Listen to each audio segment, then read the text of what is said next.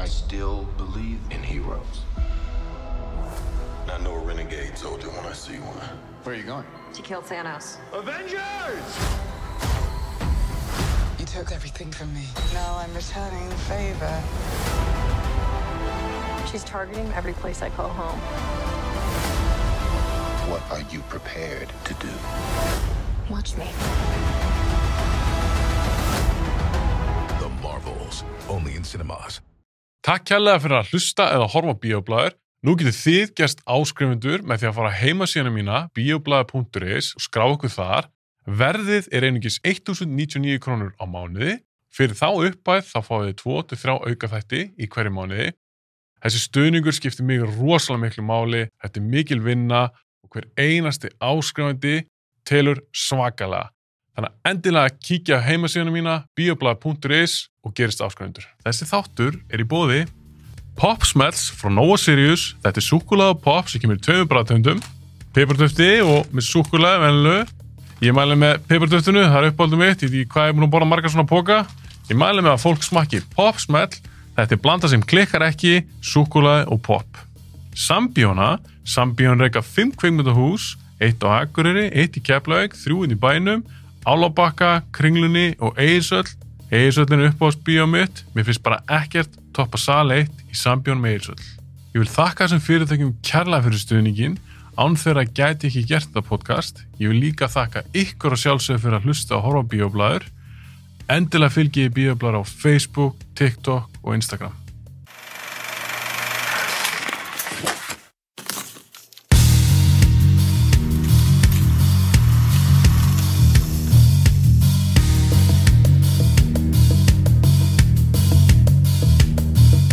Keila, ánum fyrir að dempa okkur í nörda bíómyndaspjall sem ég er mjög spenntur að ræða við Mhm. og ég veit alveg hvað ákveð ég ætla að byrja þar Já, ok. kemur ljós bara til smástund ánum fyrir mig það, bara stutt ég ætla ekki að beða um kynning á þér en þú ert tónlistamæður Mhm. ert í hljómsveit þú tókst þátt í undakefni fyrir Eurovision það ekki rétt Mikið mér rétt, mikið rétt. þú ert tildulega nýfluttur í bæin það er mikið að gera sér segja mér að frá þessu, hvað er í gangi? Heyrðu, ég hef verið að stúsast í músík í hvað, meira en áratöku núna. By- Byrjaði í bílskúsbandi og var í rockinu og svo færði maður sig smátt og smátt yfir í poppið. En maður lærði líka að trúbadorast inn á milli, sko. Já, Spangóla og glamra og gítaðinn og... Það er fínast leið til þess að lýsa þessu, sko. Er þetta ekki bara, þú veist, að vera trúbaþór þú ert að syngja og spila gítar, Já. er þetta ekki Þetta, þetta er litið niður, er litið niður á trúbaþóra? Sko, ég líti ekki niður á trúbadóða, sko, en ég hef alveg hitt fólk sem að vil meina að þetta sé einhver lámenning, sko. Ég held að þau hafa bara ekki upplifað skemmtilegan trúbadóð ennþá, sko. hver er þá, það verður að spyrja, lámenning ég er ekki sammála því og þú ert ekki sammála því heldur hvað heldur það sé, er það bara því að trúbúrtónun er einn eða hvað, ég skil hvað er Sko, ég veit ekki alveg hvaðan þessi stimpill kom, sko. Kanski út af þetta kannski, mætti segja að þetta sé einhvern veginn low effort að einhver leiti, út af þetta er, þetta er bara ein manneskja á sviðinu sem á að, eða kannski á sviði sem gæti verið með heilt band, sko, en en þarna sá sem eða á barnum með eitthvað hefðu fáum bara einhvern eitt með kassa geta þetta sem græða þetta Það En ódýrara. já, en það var einu syngja, syngja sín eigin lög sko. en að ég veit ekki, veist ég, ég hef reyna veist, það er miklu skemmtilegra að vera fan heldur en heitir sko. Þannig, Já. það er svona viðhorf sem ég reyna að tilenga mjög oft sko, og þarna vera jákvæðari fyrir eitthvað neikvæð Já, já, þú veist, það er, veist, jú, sumið hafa mjög gaman af því að þarna líka ekki við hluti bara, þú veist, hata einhvað með passjóni og bara það er ástríða í hatrinum, hatriðinu þeirra, já, en ég held að það sé skemmtilega að bara freka temja sig, þann síð að læra meta hlutina, sko. Ég er sammálaður, ég ákvaði með að setja þetta, þessa lífsbyggir svolítið í podcastum mitt, Mhm. ég hef gert þætt að ég er að tala um myndir sem finnst ekki góðar Mhm. og ég hætti, mér finnst það ekki skemmtilegt Nei, ég vil freka fókus á einmitt eitthvað góða myndir eða fá til mér eitthvað svona áhugaverða gesti Júrósson æfintýri, þú er að segja mig smá frá því, ég er ekki mikið inn í Júrósson sjálfur, Mhm. en ég er búin að fá nokkra gesti sem hafa tekið þátt annarkvært í aðalkendinni Já. eða undirkendinni og þetta er að sér svona kultúr Þetta er algjört ævendýri, sko, og þarna ég er bara ótrúlega heppin að hafa, hafa tekið þátt í þessu og fengið að vera bara með þessu teimi sem við vorum saman, veist, þetta var bara eins og lítil fjölskylda sem myndaðist þarna við öll hópuðin sem vor- vorum saman í þessu sko þetta er alveg svakalega spennandi sko. Ég er þarna og bandið þitt hét, eða heitir Celebs, Celebs og lægið Dómstagsdans Dómstags hann er í vændum sko. Hann kemur hvort sem að við viljum það ekki getum alveg eins dansað sko. Það er góða punktur. Þannig að þetta haldið mitt að vera jáka einmitt, einmitt. Já, var þetta bara helviti mikið aðeins þér Já, ég myndi, myndi segja það sko, þú veist, maður fekk einhvað að sprikla upp á sviði fyrir framann alþjóð og það er bara mjög góð stemming sko í því. hefur þú fengið að það er svo margir sem horfa á þetta á Íslandi Mhm.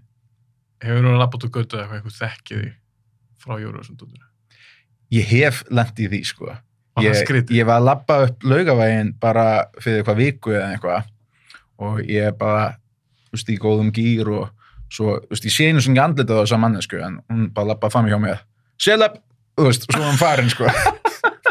hendur það ekki þannig ekkert annað sko en þú veist þetta eru líka ákveðina svona 15 mínútur af fræð sem hann fekk þarna í februar, mars. Og, og það hefur alveg þú veist svona sérstaklega rétt eftir keppnina.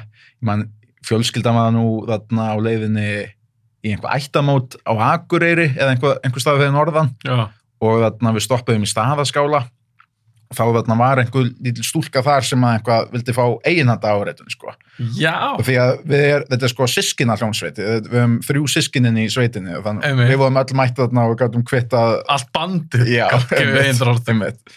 en talandi um Eurovision og eiginhanda ár og þarna tengja þetta inn í bíómyndið já, sko. er maður ég er big fan af jæna, íslensku gerseminni sem er Astropía hefur þið séð þá mynd? já, ég sá hana samt frá sínum tíma. Það er mjög langt hún síðan. er briljant sko. Hún er er, það, er hún góð? hún er góð. Já, ég og hún, hún Ragnhildur Steinun leikur í henni og ég er huge fan og Ragnhildur Steinun náttúrulega var þarna kynnirinn þarna í söngvakeppni þannig ég fekk hann auðvitað til þess að kvitta á DFFD eintakið mitt af Astropíu sko. Fannst henni það vera heiður, var hún hissa? Og þetta, hún var mjög ánægð með þetta sko. hún tók bara vel í þetta. Er þetta ekki, nú veit ég hvort þú þekkjar er þetta ekki eina sem hún er leiki svona í fljótu bragði ég man ekki að það Jú, síðan í ykkur en mér, mér finnst hún nú vera of mikið svona í bransanum og of hæfileikari til þess að hafa einungis gert þetta.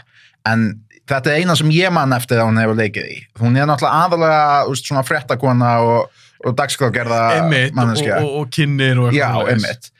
En hún var allavega flott í þess að mynd sko og ég, ég mæla alveg með að þarna, horfa á hana sko. Þetta er, hún er líka sko, sko þegar maður átt að sjá því hvenar hún er gerð sko, þetta er 2006 rétt fyrir hrun þetta er bara svona típist einhvað svona Íslendingaðu besti, við skulum gera svona Hollywood comedy og þú veist, og virkilega reyna að gera svona flott production í þessu veist, þetta var þegar, þú veist, áður en hrunin kom og allir peninguðin hvarf Íslandingar voru bara virkilega ánæði með, með sig, sko. alltaf peningur En maður sé bara að það metnaður í, í þessa mynd, sko. ég, eins og ég segi, ég hef ekki séð hana síðan bara, hvað sagði, 2006 kom hún Mhm. út þá já, ég kefti hana á DFD á sínum tíma Það var líka borðspil sem fylgdi með.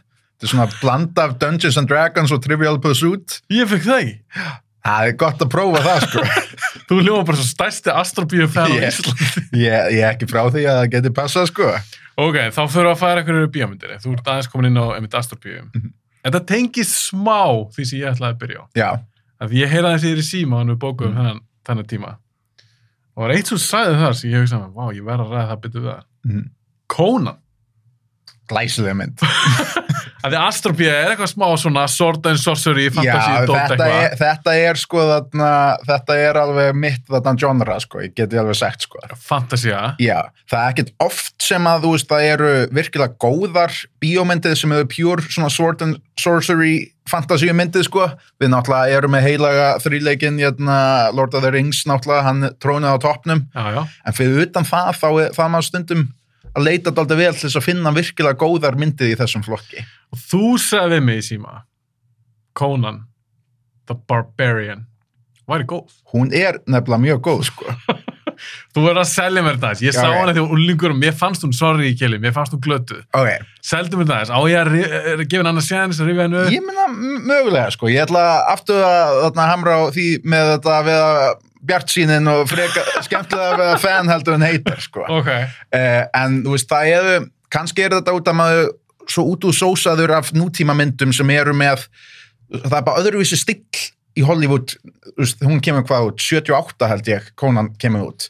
Og ef maður að tala um mynd þaðan og mynd frá 2023 það er ekki, eins. Já, veist, það er bara industríin er búin að breyta svo mikið og til eins betra ég veit að þú ert í ákæðagörinn en til ég eins myndi betra. segja hann búin að breytast í öðruvísi, þú veist, það er ekki betra að verra, þetta er bara öðruvísi, sko. Þú veist, það er ekki hægt að segja að slæma myndið í dag og góða myndið í gamla daga eða slæma myndið í gamla daga og góða myndið í dag, ok, alls konar í báðum áttum, en ég horfi, horfi á þessa mynd þarna svona endur uppgötana skal ég segja, fyrir nokkrum árum. Og þá svona áttaði ég mig á á einhverjum hlutum sem ég var búin að venjast svo, svo svakalega við að horfa nánast engungu á nýrri myndir sem var bara ekki til staða þá. Þá er ég að tala um svona eins og stöf bara áferðin, lúkið á myndinni hvað var þar, þetta tekið upp á filmu. Þá strax lúkað þetta allt öðruvísi. Eh, þetta er fyrir tölvubrellur, ekkert CGI þannig allt sem þú horfið á þarna er- hefur við handsmíðað og þetta gerir þetta svo miklu meira authentic lengdin á skotunum sko. það er miklu minni svona quick cuts eins og við erum vön í dag svo. já, veist, það þau virkilega leifðu skotinu að anda veist, og það er eitthvað sem ég þótti við að mjög interesting við þetta sko, því að þú veist, að maður var bara með einhverja montage senur þar sem þau fóru bara út í óbyggðir og veist, það var ekkert við einhvað svona að nei við þurfum fljótt að koma að þessu infodumpi, hérna, einhvað exposition, þú veist, þetta var bara myndin fjækt aldrei að, að anda. Uh, og svo líka músíkin, sko.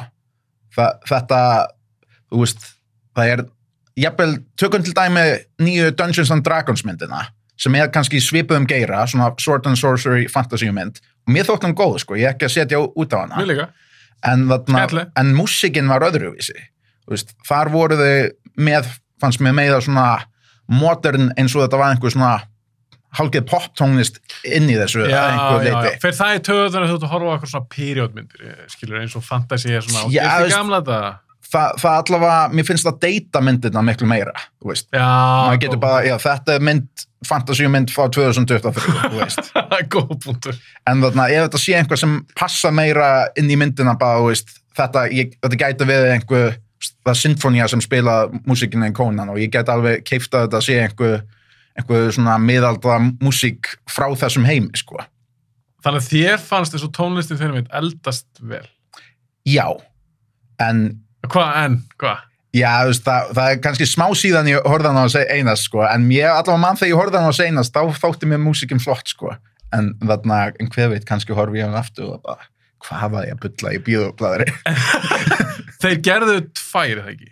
Var ekki Conan the Barbarian og Conan the Destroyer? Jú, það, tvær með, með Arnold, svo kom eitthvað remake 2011, held ég. já, með Momoa. Já, ok, við tökum bara svarsningamyndinar já, gera þessar tvær, ég sá aldrei nummið tvö.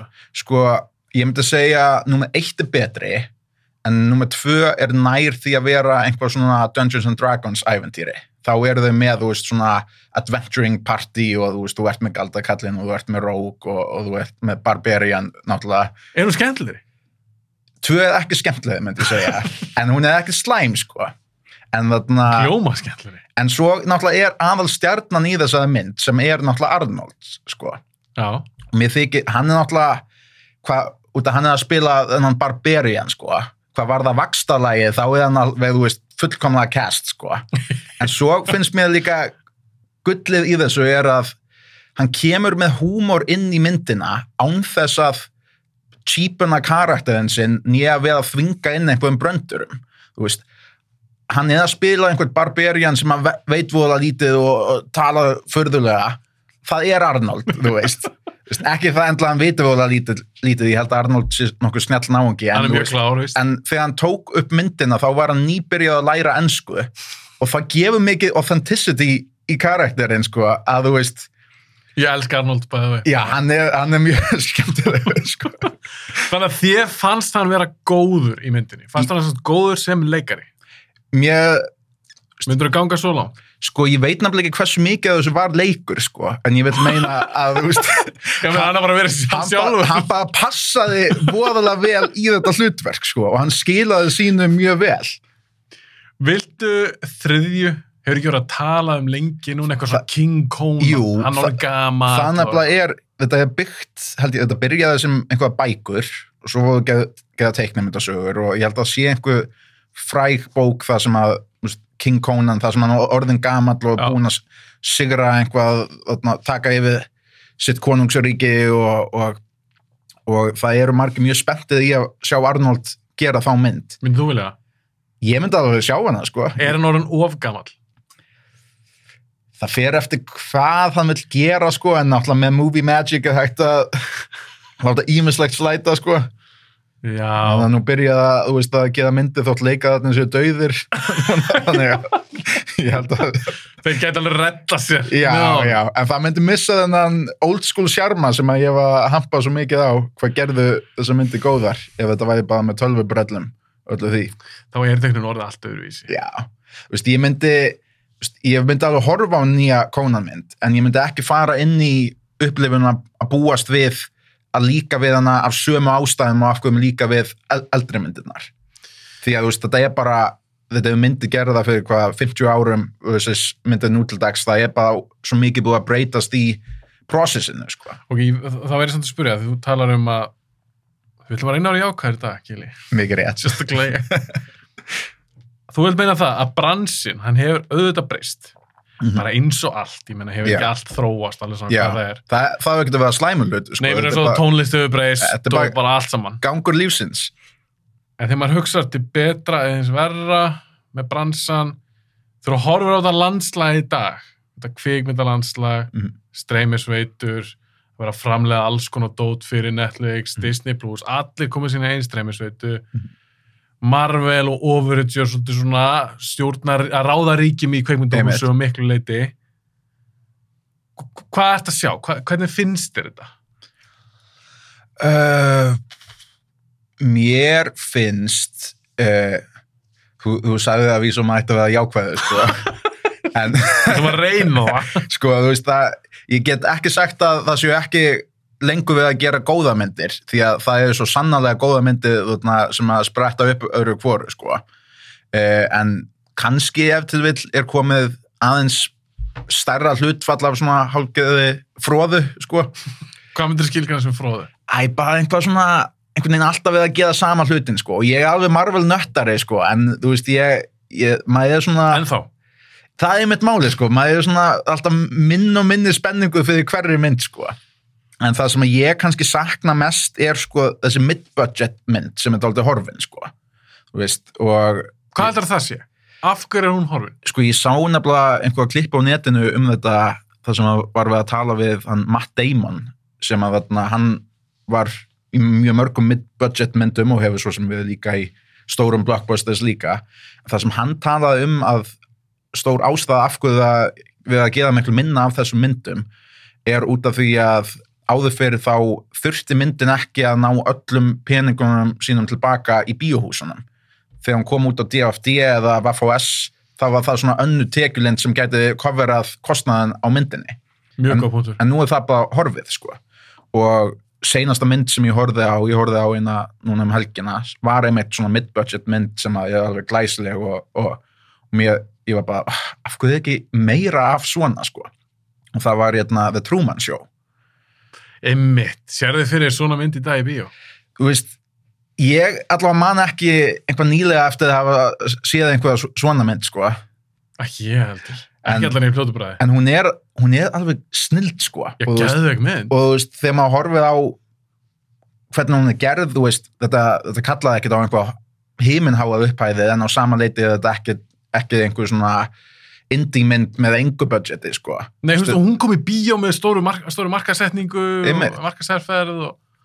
ég man ekki, var þetta, er þetta fyrir eða eftir að Jim Carrey bara staðista grínstjarna í heimi, hann var náttúrulega með eitthvað svakalegt ár með Mask, Ace Ventura og Dumb and, var Dumber líka? Jú, allar sama árið. Það er Já. 94. Það er 94, Trúmur sjó er eftir, er hún ekki 98? 98 já. 97, 98? Þetta er svona eitt, eitt af fyrri myndunum sem að hann eða einhvað svona byrja að prófa við það í dramanu meira heldur en straight up comedy mynd. en hún er samt líka sprengklægir. Hún er það, hún er 98, ég var að doppelchecka ég var bara, hvað er 98 hún er ógeðslega góð, en það er rétt sér það er mitt svona mid-budget mynd, mynd maður að segja það sem maður er að hugsa, einmitt, en í dag þetta er góða punktur á Damon. Mhm. það er það svo mikið svona streymistót hvað finnst þér, eins og að fara í bíó. Veit að það sem þú bjóst kannski ekki það er kröftugt bíó og Ísafjörði sko. Já, ok, gróttið bíó þar. Finnst þetta skemmtilegt? Er þetta batsins tíma? Getur maður alveg bara verið heim í sofánum og horta á einhver flottur sjónvarpi, bara nýjastu myndin á Netflix? mér þykir mun auðveldara að koma mér inn í mynd ef ég er í bíósal uh, sérstaklega nú til dags þegar maður er náttúrulega með snellsíman og maður er bara einhvern veginn víraður á, á að kíkja á hann fimm minútuna festi, þú veist Já, já, þú veist, maður kannski stundum reynir að gera einhvað meðvitað effort, ok, ég hef heyrt góða hluti um þessa bíómynd, ég ætla bara skilja síman eftir í jakkanum mínum í fórstofunni eða er eitthvað. Já, bara, þú veist, bara reyna að losa sig við freystinguna sem maður getur sett sig inn í myndina. Uh, þannig ég myndi segja allavega að fara í bíó svona yfirleitt gerir bíóupplöfuna betur, sko, og ég hef oftar lent í því að, þú veist, ég fer í bíósal og ég bara, þetta var dálítið geðveik mynd, sko, ég fílaði þetta í botn og svo, þú veist, ég geri þetta alltaf þegar ég er búin að horfa á einhvað bíómynd þá fyrir ég svona, fyrir að reddit og einhvað fyrir að lesa discussion um þetta eða skoða EMDB þá kannski sé ég, já, hún, hún fekk 6,7 Já, þér varst þú kannski gegn. já, einmitt, út af ég fór á hann í bíó sko. Já, já, þetta getur alltaf magnað upplöfunna. algjörlega, sko Já, já, því að suma myndir eru þú veist, það er auðvitað hannaðar til þess að maður hafi fókusin á þeim, sko eins og ég fór á Oppenheimer í bíó um daginn sem að vísu, þetta er ekkert einhver svona svakaleg brellu mynd það sem að, þú veist, maður einhvað þarf að vera í bíósal og til þess að fá bara alla upplifina, þú veist, þetta er ekki eins og avatar eða eitthvað nei, nei. en, þarna, en á sama tíma mjög mikið dialog heavy mynd sko. og maður þarf að vera daldið þú veist að fylgjast með hvað að geðast og mér þótti dialogið vera mjög vel gert og ég var alveg með náða að halda þráðinum sko. Og þess vegna fílaði hann frek, freka mikið sko. Hann líka skautar það sem bíómynd. já, Þó þetta sé ekki eins og segja, þetta er kannski ekki einhver reysa brellumynd, en Mhm. þetta er alveg bíómynd. algjörlega en það sem ég að segja, veist, hefði ég verið að kíkja síman tíma undan frestið, þú veist, út af ég maður bara einhvað með síma, símafík hérna, þú veist, ég veit ekki, hefði ég náða að halda þráðinum jafn vel og það leiðandi haft jafn gaman af myndinni, sko ég held þarna bara það að við erum með snettsíma í vasanum uh, flest alla daga gerir það að fara í bíósal mun þarna mun betri bíóupplifun heldur en að horfa á þetta heima í stórum skjá. Já, mér þætti hrikalegt ef að bíón myndu bara að loka já, og þú þyrfti bara að horfa alla bíómyndir heima mér þætti það hrikalegt. það væri glata sko. En það er ákveðna mynd sem þú vilt sjá í bíó. Og einmitt, eins og þú segir, þú ert að setja svona fókusin er alveg 100% á, á, á bíómyndinni sjálfri. Þú ert líka með oft hóp af fólki í bíó, eða kannski fullu salur. Það er bara ákveðin stemming, stemming sem myndast í bíóinu. þetta er viðburður sko. Þetta er viðburður. Þetta er ekki, maður þekki það svo mikið að maður einhvern veginn bara setu einhvað át til þess að vera í bakgrunninum á meðan maður er að gera einhvað annað. Hugsa sér að, að eigða svona fyrstu upplifun af einhver góðri bíómynd í einhvað, heyrðu, ég ætla, að setja þetta á í bakgrunninum á, á meðan ég er að dunda með við, við þetta, þú veist. Þá er maður búin að horfa á myndina, en þú veist, maður er ekki búin að horfa á hana. Nei. Það er alveg mólið. Þetta er bara sem er tónlist líka. Mhm. Mér finnst alveg mjög gana að fara á tónleika. Algjörlega. Ég get alveg hlusta á þessu lög bara heima. Mhm. Það er bara ekki það sama. Enga veginn, sko. Bara langt í frá. Mér finnst líka bara svo að segja, viðburð. Það er Mhm. gott orð yfir ef þetta fara í bíó. Þetta er svona ákveðið ívent og ef þú ert að horfa á ímyndar alla margarmyndunar. Þú væntalega búin að segja eitthvað um í bíó, Mhm. væntalega. Ímyndað er að þú sér allar bara heima þér. þá myndu það ekki, ekki Það er gera ekki jafn það mikið, sama. sko. Sjá bara þess Avengers myndir og svona. Þú myndir sjá allt bara heima þér í sjónvarpinu. Ah, það, það skratsaði ekki sama kláðan sko. Það er ekki það sama. það er bara svart og hvít. Þannig ég er svona að vona, sérstaklega þegar bíóhusin lifði af COVID, Mhm. það var rosa st- test Já, fyrir bíóin. Bíóhusin lifði það af og sem betur fer, þá er fólk núna að fara ennþá í bíó, Mhm. svo Barbie og eða Barbenheimer, Barbie og Oppenheimer, stóðu báðar í gegn. Mhm. Báðar orginal myndir í rauninni, þetta var ekki framald af einhverju. Mhm. Mér finnst það svo ég var svo glaður, bara yes, fólk er tilbúið að fara ennþá á Einmitt. svona myndir í bíó. þannig að maður spyr sig, þú veist, hvað er, þú veist, uh, því að oft við að stilla upp streymisveitunum svona á móti bíóhúsunum að þetta sé einhver bara átt að á móti þeim, sko. Þú veist, ég held að það sé alveg hægt að finna grundvöld það sem báði, bæði getur þræfað, sko. Það kannski bara gengur ekki alveg upp að þarna að reyna, veist, að rík halda í einhvað status quo sem að make a sense fyrir kannski 20-30 árum og reyna að þvinga það til þess að virka núna. Já, nei, það er þetta þetta þróast. Já, einmitt, þú veist, maður þarf að leifa hlutum að anda og þróast og dafna og verða einhver öðru skemmtilegu, Þetta sko. er bara svo vítjulegunar. Já, barnsins tíma þótt maður saknaði þeim Já. eða smá, sko. Barnsins tíma og, og þeir ætlaði eitthvað að ríhaldi í það, það er aldrei gengið. Nei, Streymisinn bara tóku við. Mhm. Það var bara þannig. Svo spyr maður samt, er eitthvað sem mun taka við að kveimdósunum?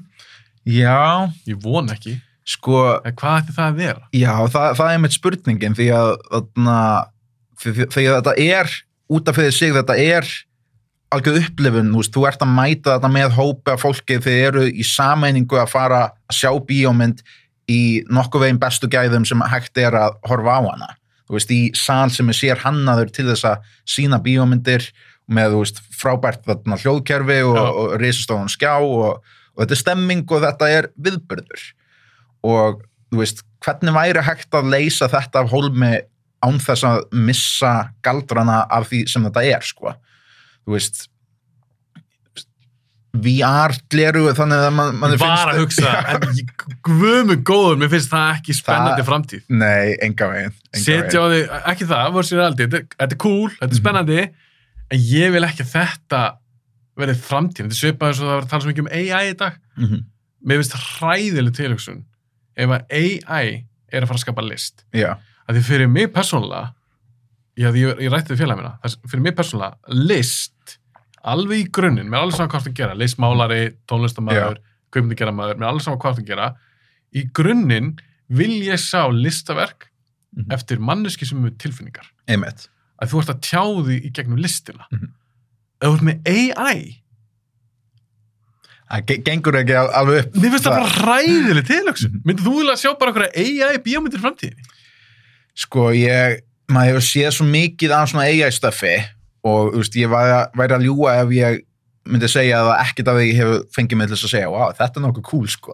Þarna, því að sumt af þessum myndum sem að AI skapaði er alveg helviti nettar, sko, veist. Svo spurning, er AI að skapa þetta eða eru þið bara að taka saman alls Þa, konar og búa það er mitt til? málið, sko. AI getur ekki búið til neitt nýtt. Það getur bara búið til mashup af einhverju sem það hefur áður séð. Sem að vísu kannski má færa þau röka að það er listafólk að gera líka Já, með já. að finna innblástuði, sko. Að fara eins og tökum bara Tarantino Já, einmitt, einmitt. þú veist, hann býr alltaf til sitt sitt dót en hann er samt alltaf með eitthvað svona En þetta, þetta er mjög stór og, og góð umræða og ég hlakka til að sjá einmitt fleiri AI myndir, ekki myndir gerða af AI, heldur núna myndir sem eru gerða sem að eru að fjalla meira um AI þegar, þegar þetta er loksins ekki orðið eitthvað, eitthvað sem geðast í framtíðinu, nei, þetta er orðið smá partuð af okkar raunveruleika núna. Ég fór seinast í bíó á uh, The Creator, sem hvernig svona svona allt er lægi, sko, og, veist, og hún var, sko, mér þótti hún alveg vel skotin og flott visuals Algjörlega, og, og, og allt þannig. En mér fannst eins og hún var að stilla þessu upp til þess að vera einhver svona svaka ný take á AI umræðuna. En í rauninni var þetta bara það eru robotar og þau eru svona þetta er eins og þú veist Vietnam myndi, þú veist, Apocalypse Now og allt það nema núna í staðin fyrir fólk í Vietnam þá eru þetta robotar veist, og mér fannst bara einhvern veginn þetta var aðeins svo mikið bara copy-paste nema núna eru robota í sögunni. Þess, mér finnst það að sé hægt að gera miklu meira interesting narrative í kringum AI sko, Þú veist, staðin fyrir að líta bara á þetta sem fólk búið til úr veist, mótorum og, og tölvum, því að, því að þetta er miklu þetta er miklu dýbra fyrirbæri heldur en að þetta sé bara einhvað robot sko. Já, ég, auðvitað er ég alveg til í AI að einhverju leiti, en maður er svo líka, svo kemur stundum í mann bara, vá, þetta endi ekki bara svo Terminator. Já, Við búum bara einhvern tíðan til Skynet og svo, þá er þetta bara heimsendir. En ég, ég vil, þegar kemur að list, en það er svo mikla tilfinningar í list jú, þú er kannski undir áhrifum frá einhverjum tónlist, af einhverjum böndum eða eitthvað til að skapa þína tónlist þú ert samt að móta eitthvað gegnum tilfinningar, þú ert að tjá eitthvað Þú veist, og fyrir marga er þetta, veist, kannski eða einhver tilfinningabældið eiga erfitt með að tala um tilfinningar sína, en þau kunna einhver listform og þau tala um tilfinningar sína í gegnum listina. já, AI getur ekki gert það. nei, því AI er, sorry það er bara dögt Mhm. það, það er engin tilfinningar í þessu þannig að þú sér eitthvað svona AI eitthvað mynd sem AI er búið að teikna eða mála eitthvað, það er engin tilfinning á bakvið.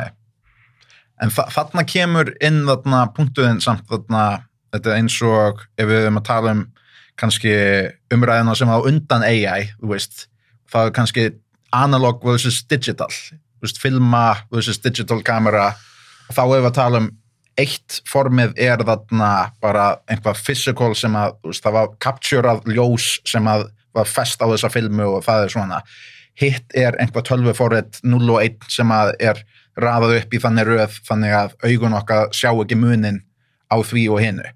Og þar eru að tala um, um að mannskeppnan bara okkar veist, okkar geta til þess að greina munin veist, þetta, er, þetta er ekki fullkomið en þetta þarf ekki að vera fullkomið því að þetta þarf bara að vera næla mikið til þess að geta blekt okkur. Getur AI lært að gera list næla mikið þannig að blekkið okkur til þess að halda að það hefur tilfinningar. ok, kannski þetta er mjög góða punktur, kannski en þú ert samt ekki með tilfinningar Nei. Sem AI Já. alveg svona hversu, hversu gott AI er í því að plata okkur Æ, ég veit ekki, mér finnst það bara hræðileg til þessu Já, þetta er dálítið dálítið spooky sko ef maður sé í listgeirunum og allt í hennu er þarna kannski ein, einhver störfa hverfa út af einhver tölva eða það að taka yfir. Já, því að það er alveg margt sem AI getur hjálpa okkur með. Mhm. einhverja útreininga eða eitthvað getur reikna með. En list bara Æ, mér finnst þetta svo hræðileg til þessu alveg hræðileg Það eru þúsund og einn vinklar sem er hægt að taka á þessu umræðu sko. ég, held að, ég held að þegar þetta byrjaði að þarna koma á yfirborðið þetta AI dæmi sko, það voru öll podcastin að tala um þetta á einn vega eða annan sko. því að Já, þetta, þetta snertið á svo marga fleti sko, þarna, lífsins og hvað þetta getur tekið yfir og mér dættið í hug eitt sambærilegt til dæmis fyrir einhverjum, einhverjum árum þá þurfti maður að vera mjög duglegur að æfa sig á hljóðfæri og vera mjög fær hljóðfæra leikari til að geta búið til tónlist. En nú til dags þá er, gætu þau bara ef þú ert með tölvu þá gætu þau við einhvað forrit, með einhvað forrit og bara búið til tónlist þannig sko. Og það er alveg hæfileiki líka en það er líka að einhver leiti mætti segja shortcut með við tíman og, og vinnuna sem fór í að gera þetta áður fyrir það sem hann þurfti að vera bara ég fóði tónlistaskóla þegar ég var sex ára og er bara búin að vera að gera þetta í marga áratögi og ég næla hæfur að ég get farið að spila spila inn á plötu eða eitthvað. En núna er miklu stittra stytti leið. að komast inn í það að skapa músík. Og það mætti segja sko að það mætti líta á AI sem sambærilegt að þarna, þetta er núna bara komið forrið þannig að það er bara styttið leið til að skapa aðra list. Þú þarft ekki að hafa eftir í áratögi og þú getur byrjað að nota þetta sem tól til að tjá þína tilfinninga á listformi án þess að hafa eitt áratugum í æfa þig ef þú mistið af lestinni að fyrir í tónlistaskóla eða læra að teikna þegar þú varst sex ára Þetta er mjög góð punktur, mjög góð punktur. Þá fyrir ég einmitt ef ég ætla að færa þetta yfir í kvikmyndabransan. Mm. Handriðsöfundar gætu auðvitað af vissu leiti fengið AI og ég er líka að tala um eftir einhver ár þegar þú eru ennþá fullkonuna. Þá eru þetta að fá AI til að skrifa, eins og til að skrifa handrið. Þetta er svo mörg uppgöst. Svo mörg, mörg drafts bara. Það er alltaf að endurskrifa, endurskrifa, endurskrifa. AI gæti kannski sparað tíu dröft. einmitt Svo kemur þú inn og svona bara færi yfir þetta sko. fínbúsar og lagar aðeins Þa, það að beina, beinagrundina Já. rítöfundun kemur og setur sálina í þetta Já, þú veist, það gæti, ég er samt alveg svona, oh, sko ég, Ah. ég er ekki að rökriða þetta einhvern út af ég er ósamáðið sko. ég meða bara svona playing devil's advocate já, já, ég sko. meina það er líka gaman, við erum bara svona að velta þessu fyrir okkur, en þetta er mjög áhört topic, það er þetta eiga þetta mig. Færum okkur yfir í eitthvað svona skemmtilega bíómyndir, ég er nú hrettur að tala um allt þetta eiga þetta. Þú talar um The Creator, sást hann nú síðast í bíó. já, Gareth Edwards, leikstjórin, hann gerir auðvitað Rogue One, Mhm. gerir Godzilla 2014, Mhm. svo gerir hann mynd sem heitir Monsters, ég held sé einu mynd sem er leikstýrt, hann kemur úr svona visual effects bakgrunni. Já, hefur þú séð þessa myndir? Nefna, sko, ég sé Rogue One. Svo það ekki Godzilla 2014, ég með sá kannski, ég sá kannski hálfa. Að þið hún létt. Uh, ég veit ekki, svona kaiju myndir það er svona disaster og kaiju myndir eða, jú, jú, sko, það, ég get sagt að disaster myndir eru allavega ekki einhvað sem að ég svona eldi uppið, þú veist, ég, það er ekki mitt favorite, sko. Sjá hús hrinja og eitthvað já, æ, ég veit ekki. Þú veist, ég man, ég man sko, ég man hérna, þegar ég var krakki, sko þá var bíómynd sem kom út sem heiti The Day After Tomorrow. Og drasl og hún var, hún var þarna, ég held að það hafi verið stóri bróður minn sem hæpaði hann upp einhver, wow, hún er geðveik við erum að sjá hana og eitthvað. Og hann sannfæði mig til að eyða pening sem ég fekk í afmæliðskjöf til að kaupa hann á DFD og ég geri það. Og svo horfi ég á hana. Hún var ekkit voða geðveik sko, hún var bara freka slöpp sko og hvort það, hvort að svo upplifun hafi kannski bara svona lokað á þarna, Svo er bara svona, nei, ég nenni ekki nenni ekki vera fleiri svona. en það eru nokkar alveg góðar svo sástu Deep Impact lofstælum við það Já, var það ekki það var Armageddon og Deep Impact sem kom sama tíma? Jú, Jú, önnur er góð og hinn er drasl. Ég held ég bara að sé Armageddon sko. Armageddon er, ég horfði affindu, ég horfði aftur á hann fyrir stuttu. Ég hef ekki séð hann sinni í bíó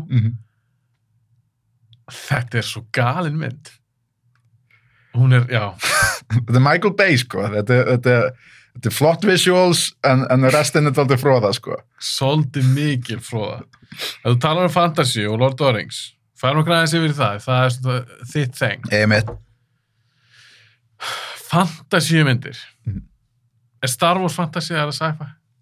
hvað veist þér? sko, ég held að það mætti færa rauk fyrir því að það sé bæði en ef maður sé ætla til dæmis að bera þetta saman við einhvað annað, til dæmis oft tala um Star Trek og Star Wars þá er Star Trek klárlega meira sci-fi og Star Wars klá- klárlega meira fantasy sko. því að ég held að þetta sé munuðin á að er sci-fi að reyna allavega að vera smá raunverulegt eða er þetta bara svona aesthetic choice um að þau eru út í game og, og þú veist það eru robota og þannig en þetta er í rauninu við að segja sögu sem að uh, passa meira við trópin í einhverju svona fantasy heimi sko. algjörlega, en þú, þannig að þú persónulega myndir kannski frekar setja Star Wars í, í fantasy-flokki Í, já, þetta er fantasía í sci-fi búning sko. já, þegar maður hugsa um sci-fi þetta er science já, fiction vantar pínu svona science já það, Star það, það er mjög, mjög rétt sko. það er ekkert við einhvað að tala um einhvað þarna, ah, slöktu á þessum þröstöðu því að þingdarlögmálið að fara að taka yfir og við þurfum að vera í þessum ögum getlis að ná inn í þennan bla bla bla, þú veist. Nei, þe- þetta er bara The Force og þetta er þarna, þeir eru svo galdra með já, einmitt. Þetta er klárlega meira fantasy sko. en þegar þú hugsa um fantasy og flestir gera, þá ertu náttúrulega með Já, það er eitthvað sverð jafnvel einhverja álvar og eitthvað já, álvar, drekar, rittarar, kastalar allt þetta dæmi, sko. Af hverju eru svona fáar góðar þannig eða er það kannski ekki þetta fáar er mjög góð spurning, sko. Nú, við erum með þetta Lord of the Rings, það er alltaf bara í grunninn bara Já, góða það, myndir. það er bara það sem að alla fantasíu myndir er eiginlega eh, svona dæmda það er að miða við það já, sko. það er alltaf borið saman og, við já, þú veist. Þa, það er náttúrulega gerðu þetta bara upp, upp á tíu veist. Eða sumið, ef þau vilja vera einhver controversial vilja meina að, nei, mér þótt hún ekkert við einhvað allt og góð, hún er svona Lord of the Rings? Já, og ég bara, hefðu, ég þarf ekki að þekka þig. Fa- farðu einhvern veginn. Það er ekki að draga ef þetta er frábæra myndir einmitt sko, einmitt. Uh, en þetta er góð spurning sko, af hverju er svona erfitt að gera þetta vel? Og ég verandi aðdáðand af, af þessu genre sko, hef, hef hort á margar slæmar sko, við höfum að tala um við höfum að tala um Eragon og við höfum að tala um jötna, hvað heitir hún eitthvað hún er með Jason Statham, In the Name of the King held ég, uh, Er þetta þannig sem Júi Ból gerði? mögulega já. Hann, ég held að hann hafi gert hana. Já. Hann er alltaf bara Já, Þannig að- þetta er magna sko, er þetta veist, er þetta bara einhver ákvörðun sem hann tekur, ég ætla bara að gera remake af svona bí, tölvuleika bíómyndið og gera það illa, þú veist eða er hann bara, hann bara getur ekki meira en samt færa hann einhvern veginn alltaf fjármagn til þess að gera þessa myndir Sko, ég held að þetta sé hvað það? 100% ég, þess að ég held ég held að bara sé engi sem fer viljand af stað Mhm. og bara ég ætla að gera lélega bíómynd ég held að sé bara ekki með hæfileika þú ert auðvitað með alls konar kvikmyndagerðamenn Mhm. sem eru kannski rosalega hæfileikaríkir en svo kannski vantar aðeins upp á Já. work ethic eða Mhm. eitthvað skiluru svo ertu með suma þetta sem uh, hvort tvekja svo sem þessu kannski aðeins með svona business eða svo George Lucas finnst mér að vera meira svona business kall Já, flottu framleiðandi. Hann er með góða hugmyndir og góðu í businessnum. Þú veist, hann hjælt í þarna þú veist, hvað, ge- ge- 20th Century Fox Star Wars með honum til þess að byrja með. En hann var eitthvað, ég ætla að eiga réttin á leikfangasölunni og þá var þann fáranlega ríkur. Skriljan á mæringu bara. Já, þannig að ég, eins og með hann ég, líka, ég er ekki að segja það alveg hæfileika Mhm. hæfileika laus en þú fattar hvað ég við. Mhm. ég held bara að þessi Júmi Ból hann að gaur sorry, ég held að sé ég held að þetta sé bara ekki rétti bransi fyrir hann. Nei. Hann, hann elskar þetta greina því að hann vinnur við þetta passionate sko, en hann passionate but talentless því ég ætla ekki að draga ef að hann sé eitthvað kveikmynd áhuga en það er svo að vanta eitthvað upp á. Mér þykir samt svo magnað hvað hann er búin að gera marga myndir miða við hvað enginn af þeim er góð. Þú Veist, að einhver er alltaf heldur áfram að treysta honum fyrir því. Já, hérna er smá peningu, geðu mynd fyrir mig. en þá hljóta er bara, ég hef nú ekki kynnt mér þetta almennilega og ég hef ekki séð alla myndir eftir hann eh, kannski séð tværa þrjár. Það er hljóta skilin pening. Já, ég gæti trúað að hann sé, kannski hans sterkar hlið er að skila myndum under budget. Já, og og, réttum tíma og eitthvað svona. Og, það getur alveg að vera. Já, og ég held að vísu að að ég man ekki eftir að hann hafa heyrt um einhvað mynd frá hann um einhvað nýlega þannig mögulega var þetta svona mid-budget movie sem að fekk meiri pening svo þegar, því að fólk einhvað sá coverið á í myndbandalegunum eitthvað, já þetta lúka allt í lagi á coverinu og svo sá það eftir því að hafa leikt hana setna meir. svo var líka alltaf að gera myndir sem voru byggðar að tölulegjum það var eitthvað svona IP Mm. einhvers konar fanbase Já, einhvað bakvið fyrirfram. þetta sko. og þeir hafa pottit eitthvað að reikna það eru svona margir sem hafa keift þessa töluleiki eða eitthvað. Já, ef að bara einn þriðji sér þessa mynd eða eitthvað þá komu út í Einmitt. þetta er pottit eitthvað svona mm. bara eitthvað svona Excel ákvörðun. það er magnað hvað það hefur tekið langan tíma til þess að koma út bíómynd byggð á tölvuleik sem er virkilega góð, sem stendur í einn lappina, það hef- hefur komið svona ein og ein sem er svona allt í lægi en þú veist, eru að tala um veist, Last of Us þættina og Super Mario í fyrsta myndin sem er komið út núna, hvað, var ekki í já, fyrra? já, já, ný, ég ætla að Já. fara að tala um Já, já, gömlu. 90s myndina, ó, ekki góð Jú, allir, ég eftir að sjá reynda nýju Já. myndina, en hún veist vera mjög góð Já, þarna Svo Arcane þættinir, svo það er mjög góð mjög góð, mjög góð það var, ma maður sá líka bara þarna var úst, animation studio sem var bara með metnaðin, ok, við ætlum að fara aðeins lengra heldur en expected af okkur þú veist, ég, ég dyrka animation, þú veist oft líka út af því að þarna út af því að það er léttar að gera fantasíu í animation sko. Uh, en yfirleitt er þetta megnin sem að sé, þú veist við erum að tala um 3D teiknuðu myndirna það er yfirleitt ekki svona það genre sem ég vill horfa á, þú veist Disney myndirna eru yfirleitt með á svona Eða Pixar. Eða Pixar, þú veist, jú, jú, það get það er alveg góða Pixar myndirna sko, en stundum Er Pixar formúla? Þið það að vera?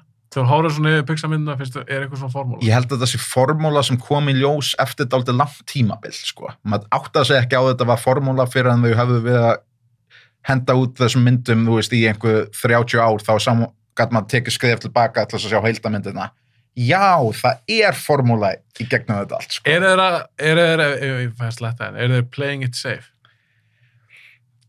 Já, ég myndi segja það þú veist, eða þeir voru það ekki fyrst sko.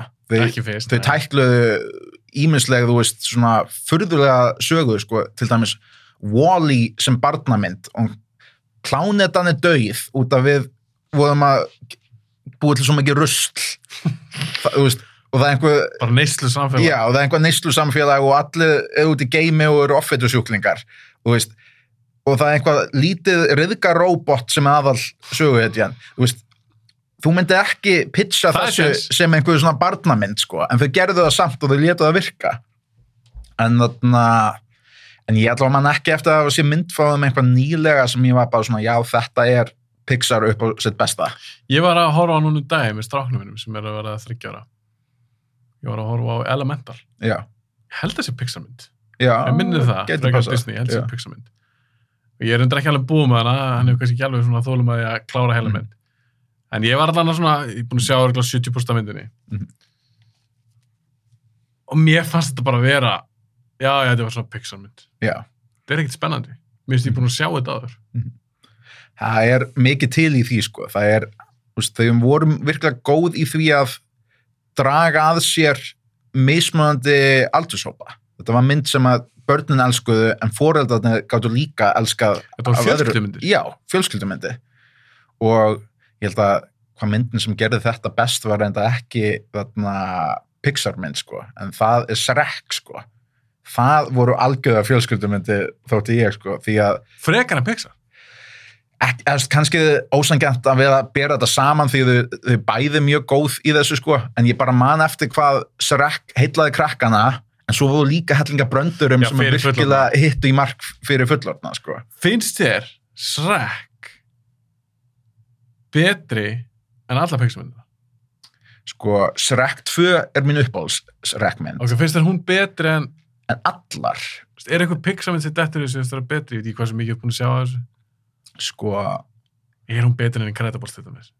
Er hún betri en Finding Nemo? er hún betri en Ratatouille? sko, sko ég var næstu næstuði búin að segja já, en svo nefndu Incredibles og þá var ég bara Hún er alveg gegn. Ég veit, ég veit. Sko, ég, má, má ég gefa þeim jafntöfli, Shrek 2 og Incredibles? Ok, ég skal leifa það að gefa jættöfli. En svo Incredibles, ég myndi örgulega ranka hana mjög hátt ef bestu overhugju hún er mjög Allan vel gerð sko, Já, fáran vel, vel gerð sko. frábært handrið, það flottur hasar, mm. ekki kartar, skemmtileg saga, og er vondigat. og þetta er animated overregiment og mér og þetta var einhvað sem að þau forðuðust að gera dálítið lengi þangað til bara Spider-Verse myndin kom, kom út að þú veist að vera að gera overregiment sem er í animation stílnum sem er náttúrulega miklu meira tengt teiknimyndasögunum sko. Já, já. Já ég meina í staðan fyrir að gera alltaf live action. Já. Um. Já, já. Og, þú veist, og ég væri alveg til í meira þannig sko. mér þótti til dæmis Spider-Verse myndin vera virkilega góð og svo kom Spider-Verse 2 og ég get objectively sagt að það er styrlað velgerð mynd og hún er bara frábært animation og allt saman en ég bara þóli ekki þetta multiverse storytelling dæmi sko, mér þykir það að vera svo cheap storytelling sko Akkur það cheap storytelling? Því að mér finnst að þegar þú introdusa að allt getur gest að það til, úst, að það þá, þá tekur það undan því sem er að gerast sko. Ég er sammálaður. þú veist, ég, ég dyrkaði fyrstu myndina út af því að þá var þá, þau voru allavega öll í sama heimi ég þótt þetta séu mismunandi Spiderman karakter að fá sikkuðum heim um, það var svona parturinn sem ég fílaði hvað minnst við myndina en yfir heildina þótt mér hún vera snilt sko. svo kom setni myndin Ég hef eftir að sjá hana, Þú- þannig ekki ok, spoila. ok. En þú mátt samt tala um hana. ok Bara ekki segja mér alveg hvernig hún enda. Nei, nei, nei. Uh, hún allavega, hún náttúrulega heitir uh, hvað? Across, Across the Spider-Verse og það gefur náttúrulega til kynna að þau eru ekki í sama heimi alltaf. Það Þetta voru er, stökka á hófum já, einmitt. Og mér þótti það aðeins of mikið, sko. þú veist, Objectively, þá er animationið styrlað og fárana mik mikið flott sem er að gerast, sko. En mér þykir þetta erfitt að kannski setja mig inn í einhvað voðalega tilfinningaríka senu, þú veist, þetta er bara ótrúlega mikið passion, þetta á að vera svakalegt moment, en þú veist, litapalettan á veggjónum er alltaf að breytast, þú veist, ég er alltaf að horfa einhvern annað. Já, Þegar- ég skilði. Úf, það áttur að bögga mig líka. ég er náttúrulega pínu stressað að sjá þessum mynd. Mér varst fyrst að frábær, Já, hún, hún, hún er það algjörlega, sko. en ég hata þetta multiverse-dótt. Þetta er cheap storytelling, sko. Mér finnst það. Þetta dregur úr veginn öllu og öllu svo stakes, það sem er í húfi. Mhm. Þetta er svona þegar MCU byrjaði með þetta dótt, maður er bara, ah. Og þetta, þú veist, þetta getur alveg komið með einhver skemmtilega moment, sko. Þú veist, mér þótti alveg gaman að sjá alla Spider-Mannina saman, þú veist, Toby, Tom og þarna Andrew. En á sama tíma var maður svona, já, ok, þeir eru bara allir hérna og núna margir Spider-Man og, að ég veit, þú veist, var, þetta var gaman svona, þetta, var, þetta er fanservice, þú veist, þetta er ekki tengt þú veist, þau reyna að binda þetta inn í söguna því að núna er einhver galdakall sem opnaði the multiverse og einhvað en þetta er svona uh, En þá spyrir maður sig á móti, ég er alveg samanlega, mér finnst þetta að vera fanservice.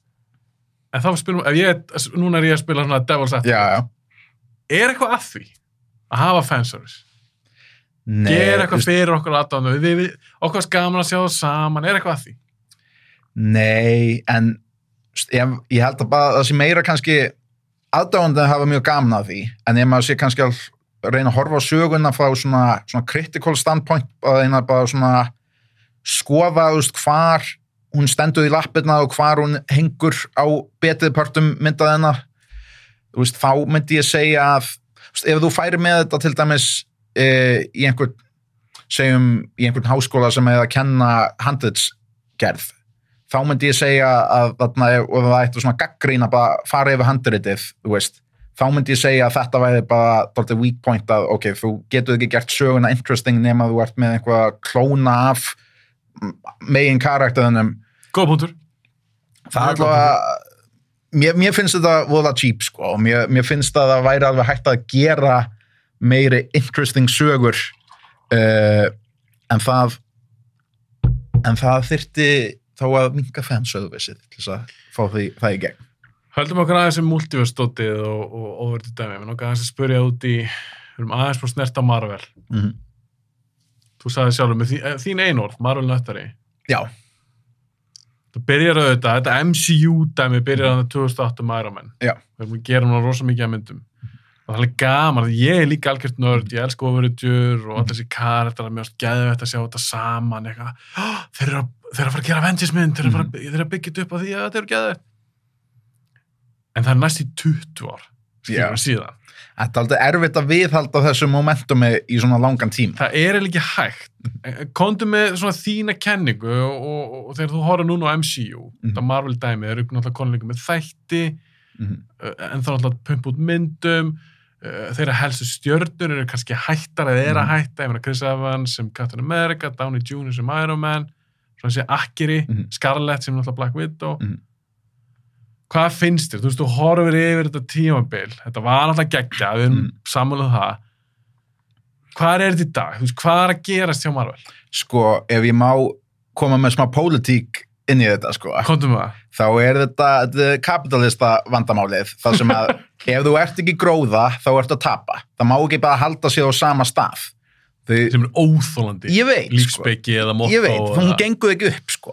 Ég þóla ekki þessa pælingu.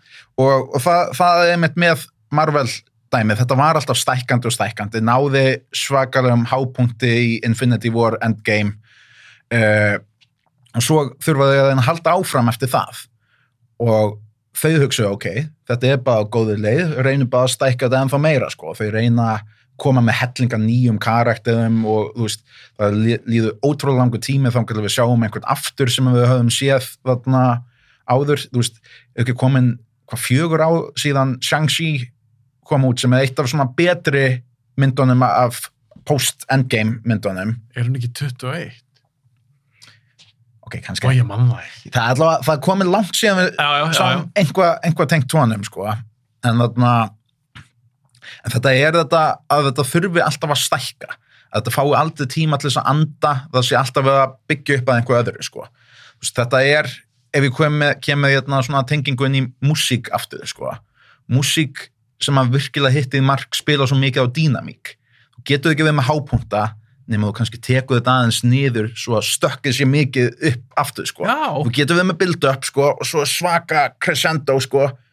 en fólk er þá að búast við að það komi smá svona breather eftir á þú veist, svo að það læri kannski að, ó, manstu þegar hún, við vorum að sjá Marvel-mynd og hún var svona ge geðveik, ég hef ekki séð Marvel-mynd í smá tíma því að þau tóku sér smá pásu til þess að leifa áhörfandunum að verða spenntið aftur við að finna fyrir eftirvæntingu sko. Star Wars gerur sín tíma. Já, algjörlega. Það var náttúrulega svakalegt hæp fyrir prequel-myndunum því að það, hvað, uh, Return of the Jedi er það 8, 10 83. og 3, já. Það er hvað, 16 ár setna, Já. já. Í, sjá, við Phantom Menace var bara næsta með.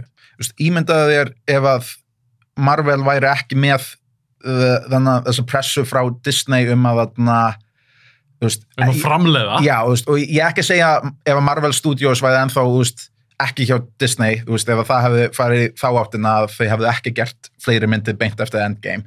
En ímyndaðu þér ef þau hefðu tekið sér bara veist, langan tíma veist, byðið með þetta. Ímyndaðu jafnvel ímyndaðu ef þau hefðu veist, þessi fimm ár sem að geðast í sögun á milli Infinity War og Endgame hefðu í rauninni beðið fimm ár. Meina að gefa okkur bara Infinity War og svo endgame eftir fimm ár. já, það, fólk hefði, það hefði verið kveikt í húsu. það hefði aldrei það, gengið. það hefði verið svakalegt moment sko Já, en shit, það hefði allt brjálast með okkur Infinity War endar. Fólk hefði klikkast. Ég hef alltaf sagt, uh, þegar ég, er búin að pæla mikið í þessu, ég hefði viljað sjá eftir endgame, ég er ekki alveg af gróður þú, ég er ekki gefa okkur fimm ára á milli Infinity War endgame. Gefa okkur endgame, Mhm. kvílda sér. já, í kannski fimm ár, Mhm. jafnvel aðeins lengri tíma og koma sér bara með eitthvað að gegja X-Men sögu, Já. eða Fantastic Four alltaf koma inn í þetta gefa sér tíma til að gera eitthvað aftur, eitthvað geðvegt algjörlega þá, þá hefði maður verið mitt, það hefði verið svo mikil tillökun en það var, var bara svo mikil pressa einhvern veginn, nei, höldum við svo gangandi og á sam, sömu brautu við þeim að fara og þú veist, og fólk tala um þetta superhero fatigue, þú veist, að fólk er bara orðið þreytt á þessum myndum veistu hvað ég vil að sjá? sorry, ég verða ég verð að Komdu með það. það sem ég vil að sjá ok, ég skil vel kannski ef, við, ef þeir eru farið eftir mínu plani Mhm. þá kannski er ekkert að gerast í fimm ár Mhm. gef ekki neitt út en hvað ef Kevin Feige hefði sagt bara við Disney herru, nú kvílum við Avengers Mhm. við kvílum þetta MCU dæmi mm -hmm. en ég skil vel, hei, við þurfum náttúrulega að græða eitthvað penning Mhm. af hverju gerum við ekki bara eitthvað standalón Marvel-myndir já, eitthvað, skilur, gera bara svo DC þarf- Joker Já. með Walking Phoenix eitthvað sem þarf ekki að vera tengt, inn í þetta er ekki að tengt inn í þetta þess vegna geta það farið yfir í R-stimpilin Mm. eitthvað þannig, það hefði verið mjög interesting að sjá einhvað í þátt sko. það verið geðveikt en maður velti samt fyrir sig hvort allir væru þá einhvern veginn að búast við já, svo mun ábyggilega koma næsta myndin það sem þetta er tengt inn í að þá kemur hérna, Nick Fury hérna, hefðu, Ghost Rider, viltu ekki koma hérna við Avenger nei, ég vil meina það af því að þessi aðdándarhópar er svo stór og við erum mm. svo auðvitað góðu vön og erum svo vöðum að fá mikið marvel efni ég vil samt meina það, ef að Feige hefði bara sagt þetta á Comic-Con eitthvað árið Mhm. þetta verður standalone við ætlum að kvíla hitt Mhm. og bara ekki á neina ágjör, þetta kemur aftur, þetta verður geðveikt en við ætlum aðeins að kvíla það. Já. Ég held að hann fengið svo mikið respekt Mhm. frá öllum ef hann hefði gert það. algjörlega En það er kannski ykkur múltjós heimi þá er það, Já. ef, ef það gerst. maður verður að sjá hvað gerist er ekki hvað, The Marvels hún er að að koma út bara eftir nokkra vikur eða? Jú, þessi þáttu kemur út í november og hún er í, í november. já, þannig að hún, hún er mögulega þegar einhver er að horfa á þetta þá getur Mö, einhver, ég man ekki alveg hvena Marvels er, hvort sem fyrr eða setna í, ég að tjekka því. Mhm. Já, Marvels er núna næst, það er næsta bíómynd. Spendur? sko, ég veð, verð að viðurkenna að ofurhetju þreytan er daldið að taka á mann sko.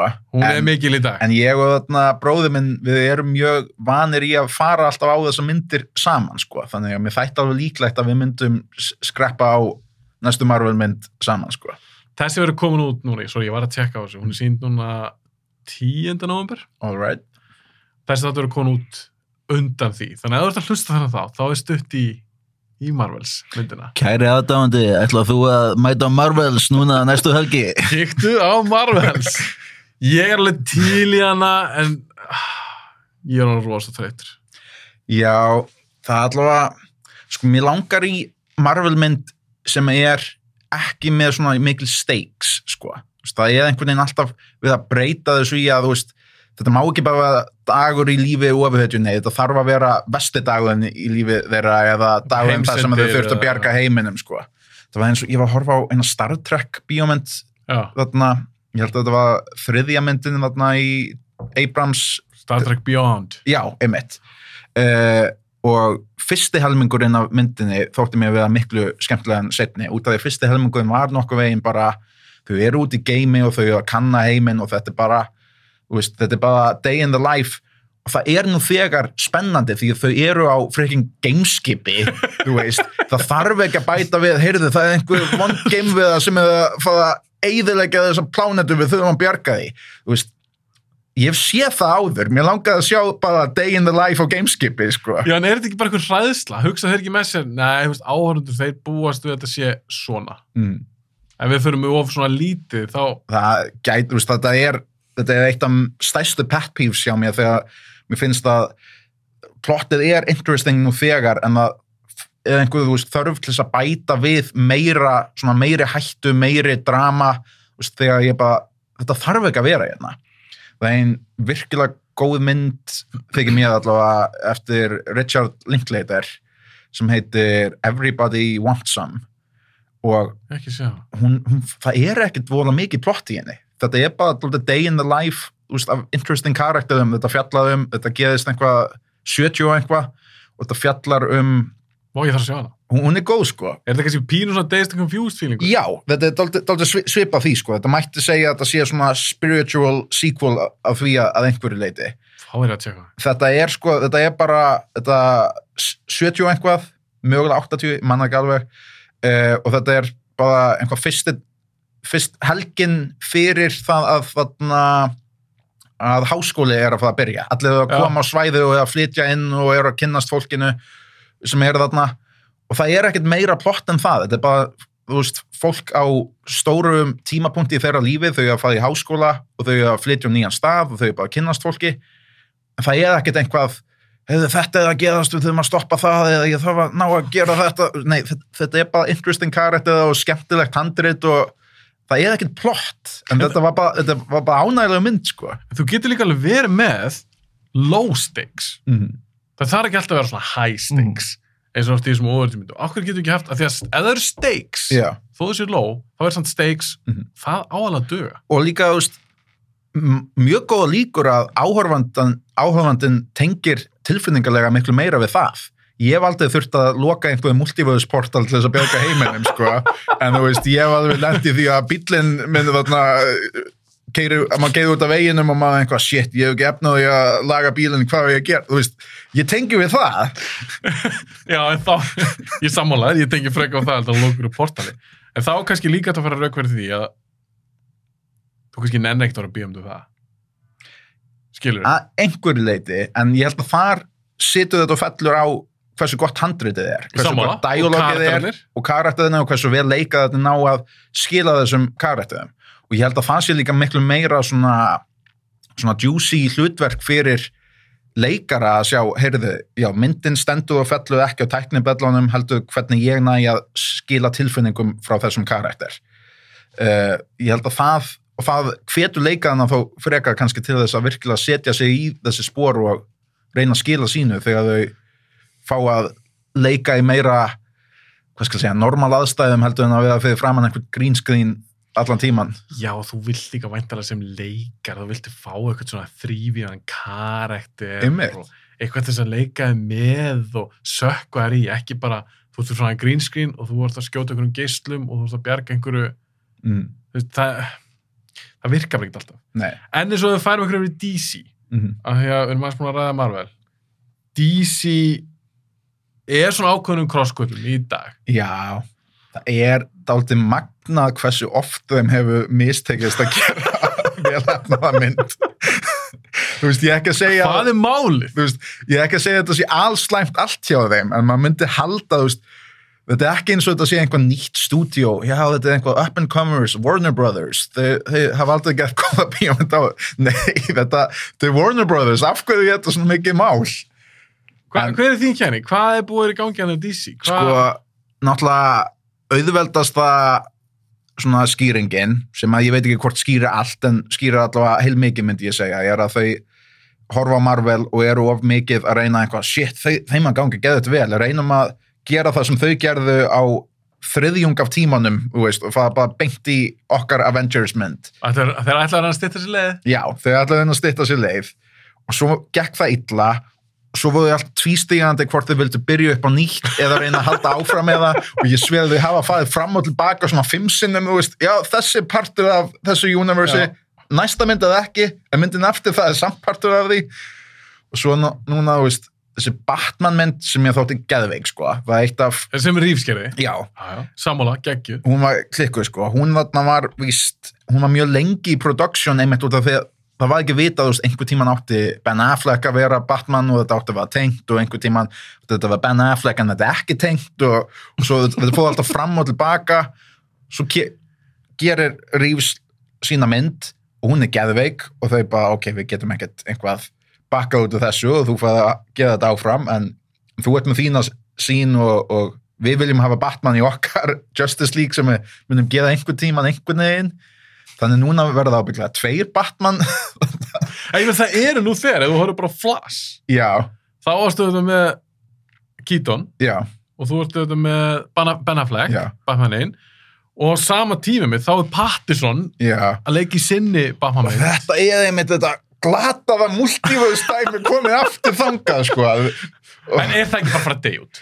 Ah, ég vona Er það, ekki, ég meina- ég vona það, þú veist, það er svo miklu betri söguð hægt að segja, þetta grefur bara undan þarna, öll, öllum þarna, öllum stakes, sko, þegar þetta er bara einhvað, þú veist, ah, þessi karakter dó, en það hefur 50 aðrir bara, þú veist, í næsta þarna veist, og hann getur bara hoppað inn og, og leist hann af, sko, þessi eitthvað, heiðu, ég er, þú veist, uh, Iron Man og heimi sem að það er ekki til pizza, eða þeim með pizzum, ég þykir hún við eitthvað flott, ég ætla bara að stökkva yfir ykkar heim og bara taka við sem Iron Man þar því að uh, ég fíla pizzu ég, en, en hún er ekki til í mínum universe. og Downey Jr. getur mér að leikja Einmitt! Og þetta bara, veist, þetta er svo cheap way out, sko. glata ok, DC James Gunn Peter Safran er búin að taka núna við Mm -hmm. sjáum hvað gerist þar þeir eru búin að setja upp eitthvað svaka metnað fullt eitthvað tíu ára plan Já, já. þeir ætla að vera með eitthvað heildasögu yfir Mhm. bíómyndir, teiknumyndir sem sagt, þætti Mm -hmm. með þess að tölvuleiki einhvern veginn þeir ætla einhvern veginn að hafa þetta bara eitthvað svaka sögu Mhm. hvernig, hvernig líst þér á þetta? Sko, James Gunn, náttúrulega, hann hefur dálítið sannað, finnst mér að uh, það er ekki, það ofuðhetju þreita þarf ekki endilega að tengt ofuðhetju meira bara, þú veist, bara gerðu góða bíómynd og fólk með fílana, þú veist já. og hann sannaði það, þú veist, allar Guardians myndirna voru freka góðar, sko og svo hefur hann gert, hann gerði The Suicide Squad hjá DC og hún var freka góð líka, sko, þannig að ég held að þetta sé í góðum höndum og það sem ég hef heyrt til dæmis um Superman myndina hans veist, mér finnst eins og hann hafið nokkuð skýra skín á sín á hvað karakterin er og svona hvað hann vil gera með það? Já, því að þú veist, það er það er, ég held að margir skilja ekki alveg Superman sko, þú veist, að halda hann sé einhvað, þú veist, Ertu einhver, mikill súpumakall? ef hann sé rétt ef fólk sem skilu hann er, er að þarna búið til söguna, já, ég Finnst þið karakterinn sjálfur skemmtlur? Eða spennandi eða áhugaverður? mér þykir alveg mjög interesting þetta, þessi manneskja sem er bara sterkari og betur en allir líku við sem er alin upp sem, þú veist, ein svona mest svona humble manneskja sem þú finnur, sko, þú veist, og þetta er svo svona einn í miljón, þú veist, sjensa að þessi manneskja hafi lent einmitt hjá kenthjónunum og þau bara ólan upp rétt til þess að vera bara góð manneskja. Það er einmitt það sem er áhugast súpumakall. algjörlega. Og þetta kontrast á milli þess að þú gætir gert allt sem þú sýnist bara, þú veist, og þyrftið ekkert að taka við afleiðingum þess að hugsa ekki um aðra en þú kýst það að nota þína krafta til að hjálpa öllum og hvaða veg sem þú getur veist, Superman hann er ekki hrókafulluð, hann er ekki þarna eh, hann er blíður og hann er hugljúfur og hann þarna hann er ekki einhver hrotti sko Það er sem ég elska hann karakter. Þú ert með mann, Mhm. geimveru eða mann, sem gæti, hann gæti átt plánunduna. mm -hmm. Hann kýs það að vera góður, Mhm. hjálpa fólki. Það finnst mér áhugavert. Og það, veist, það er líka svo á, áhugavert fyrir hann er þetta valla val því hann er bara, veist, hann er bara alin upp veist, af hverju ætti ég ekki að gera þetta, veist, hann, hann séð ekki af hverju ætti ég ekki að velja það að vera góður, það er bara autopilot fyr, fyr, fyrir honum, sko. Já, því ég er að hugsa um bara, þú hefur séð Invincible. Já. Já. Omniman þar. Mm Berðan saman við Superman. Mhm. Af því Omniman kemur auðvitað fullorðið. Já, til jarðarinnar og ég ætla ekki að vera, að vera mikla spoiler í Invincible. Mhm. svart og hvít. Þessum finnst mér Superman, ég fíla alveg Omniman það er skemmtilega æðisirja en Superman er ekki svo leis Mhm. ég var þarna uh, upp á síðkast ég er búin að vera að endur horfa á jæna, Justice League þættina sem komi út hvað 2003, þetta teiknum þetta þættir Já, ég hef ekki séð þá. það er ábygglega eina af mínum svona uppbóls þarna svona útgáfum af þarna af Superman sko og líka bara Justice League yfir heildina sko. Þetta er alveg svona baselineið sem þegar ég hugsa um Justice League þá mín fyrsta upplifun um þetta teimi og alla þessa karakter að koma úr þessum þáttum. Og þetta er mjög vel gerðið þættir sko. Þetta er í rauninni framhald af Batman þáttunum Bruce Timm og Paul Dini. Já, bara animated series. Já, þetta er, þetta er sama universe, sko. Þetta bara, Já, heldur það bara áfram og gerðu, þarna, gerðu, þetta er þinni fyrsta, sko, svona shared universe, sko. Það komu Batman þættirni, komu Superman þættir og þar var introduceaði einhverjum þætti var Flash og einhverjum þætti var Green Lantern og svo setna voru gerðu Justice League þætti. Já, með þessum karakterum. Já, veist, og þetta er allt í sama universe, sko. Og þetta er ábyggla mín uppbóls take á Superman. Ég er þótt að hann er samt alveg mannlegur á því leiti, þú veist, maður kannski gera hann upp til þess að vera kannski bara góðan, en það er alveg moment það sem hann verður frustrated og verður einhvað svona smá pyrraður, en það sýnir líka, ok, hann er mannlegur líka, veist, hann er ekki þótt hann sé ekki mannlegur, en, en þarna, veist, hann er ekki bara alveg eins og Jésu það sem að, veist, hann bara alltaf sýnir kynna nei, nei, nei. hann verður alveg frustrated stundum en það er, kjarnin á hann er til staða sko en ég held að það sé bara það er orðið svo einhvað það er svo léðegt teik lengi talað um að Superman sé einhvað astnanlegu því að hann sé of góður og hann sé of fullkominn Fullkominn. og, og þú veist og það er bara, mér finnst að það sé bara vandamál þegar það er einhver sem- að skrifa hann sem að kann ekki að gera gott dilemma þegar hann hugsa, ok, hvernig geði ég challenge við Superman? Setjum vondakall í hann sem er sterkað en hann og, veist, og hann stögla nei, þá er það bara, bara komin út í öfga. Findu, findu einhvern annan vinkil sem challenge að Superman án þess að þurfa einhvað, þú veist, að finna einhvern sem getur kilt fastaðan hann, þú veist, eins og náttúrulega hann Doomsday drapan í te teiknumyndasögunum og, Þóðal ekki þessu. Já, þú veist, og það var einmitt bara, þú veist, það var bara farið út í öfga út í við með sterkasta mann í heimi en hérna kemur einhver sem aðeins sterkað en hann og hann dreipið hann, þú veist ég, ég, það geði ekki mikið fyr- fyrir mig, sko. Það sem mér er líka cool, eins og með, að því mér varst þér klúðar því svolítið mikið í Man of Steel. Mhm. Þráttur ég fíla alveg þá mynd, Mhm. það er margt, margt gott við hana, en það er eitt sem þeir klúður fannst mér í þeirri mynd, það er það pappastir. Já, Að því í sögunum, ef ég maður rétt, þá Mhm. deyr hann úr krabba meini eða eitthvað, hann verður eitthvað veikur. Mhm. Og það finnst mér áhugavert, ef við erum að hugsa þetta frá dramatísku level, að þú ert með Superman, Mhm. gæði sem heila getur allt, já en hann gæti ekki bjarga pappa sín. mhm. Það er einmitt miklu sterkaði vinkill, þú veist Miklu áhugavert. Já, veist, ég myndi veist, mér þykir þetta einmitt gera Superman virkilega áhugaverðan út af því að það er vallan eitt vondukall sem að getur challengea hann properly, sko. Ekki líkamlega, það er upp á styrkja að. Hvað með að gera bíómynd þar sem það vondukallin er ekki stærsta svona, Ógnin. já, svona stærsta antagonistin í, í lífinu hans, þú veist, að það sé eitthvað annað sem hann þarf að díla við og þetta er meira persónlegt. Heldur að Gunn fatti þetta? Ég, mig gruna það sko.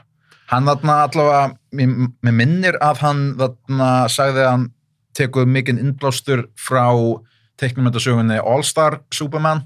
Ég hef reynda ekki lesið söguna en ég hef séð adaptation af henni það var gerð svona bíómynd, svona te teiknuð Já. animated mynd.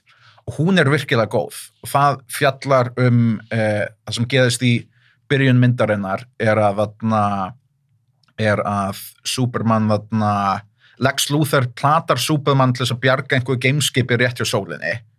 Og það overchargea Superman á sólaorku þannig að hann byrja veður veð alltaf kraftmeiri og kraftmeiri en þið er í raun að deyja. Veist, og hann Já. hefur bara veist, einhverja mánuði. Og þetta, bara sagan er bara um hann að bara reyna að gera það sem hann getur það meðan hann getur það og meðan hann er hérna til staðar og, og þetta er bara einhvern veginn miklu persónlegri saga. Það er enginn einhver stóð vondukall sem hann er einhvað að slást við og er einhvað aðal núansinn í, í sögunni eða hvernig ætla hann að sigra þennan vondakall.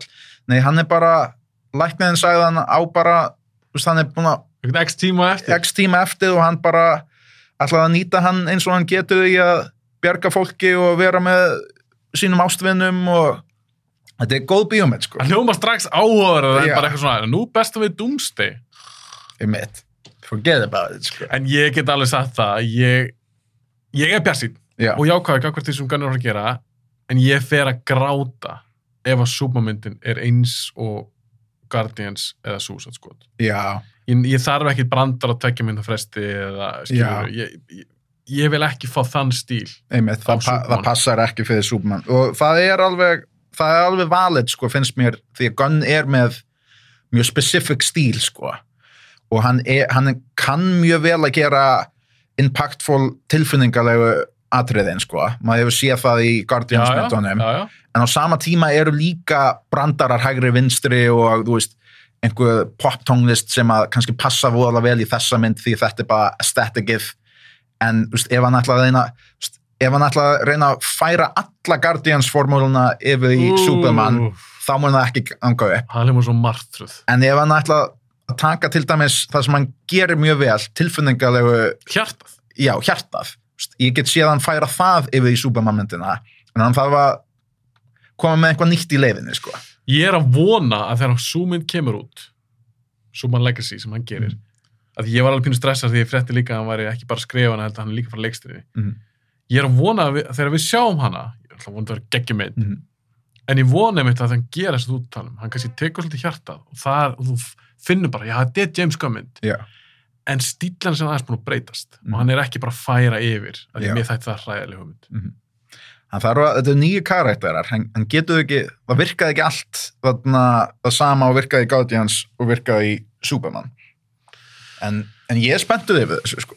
en eins og með Justice League þeir hafa ekkert ef, ef það er rétt munið að mér, þeir Mm. hafa ekki talað um Justice League já, og ég held að það séu þeir mögulega að læra af mistökum sínum að ekki vera bara, þú veist, við erum með plan þetta er alltaf stefna þangað því DC gerði það einu sinni og það endaði ekkert voðalega vel.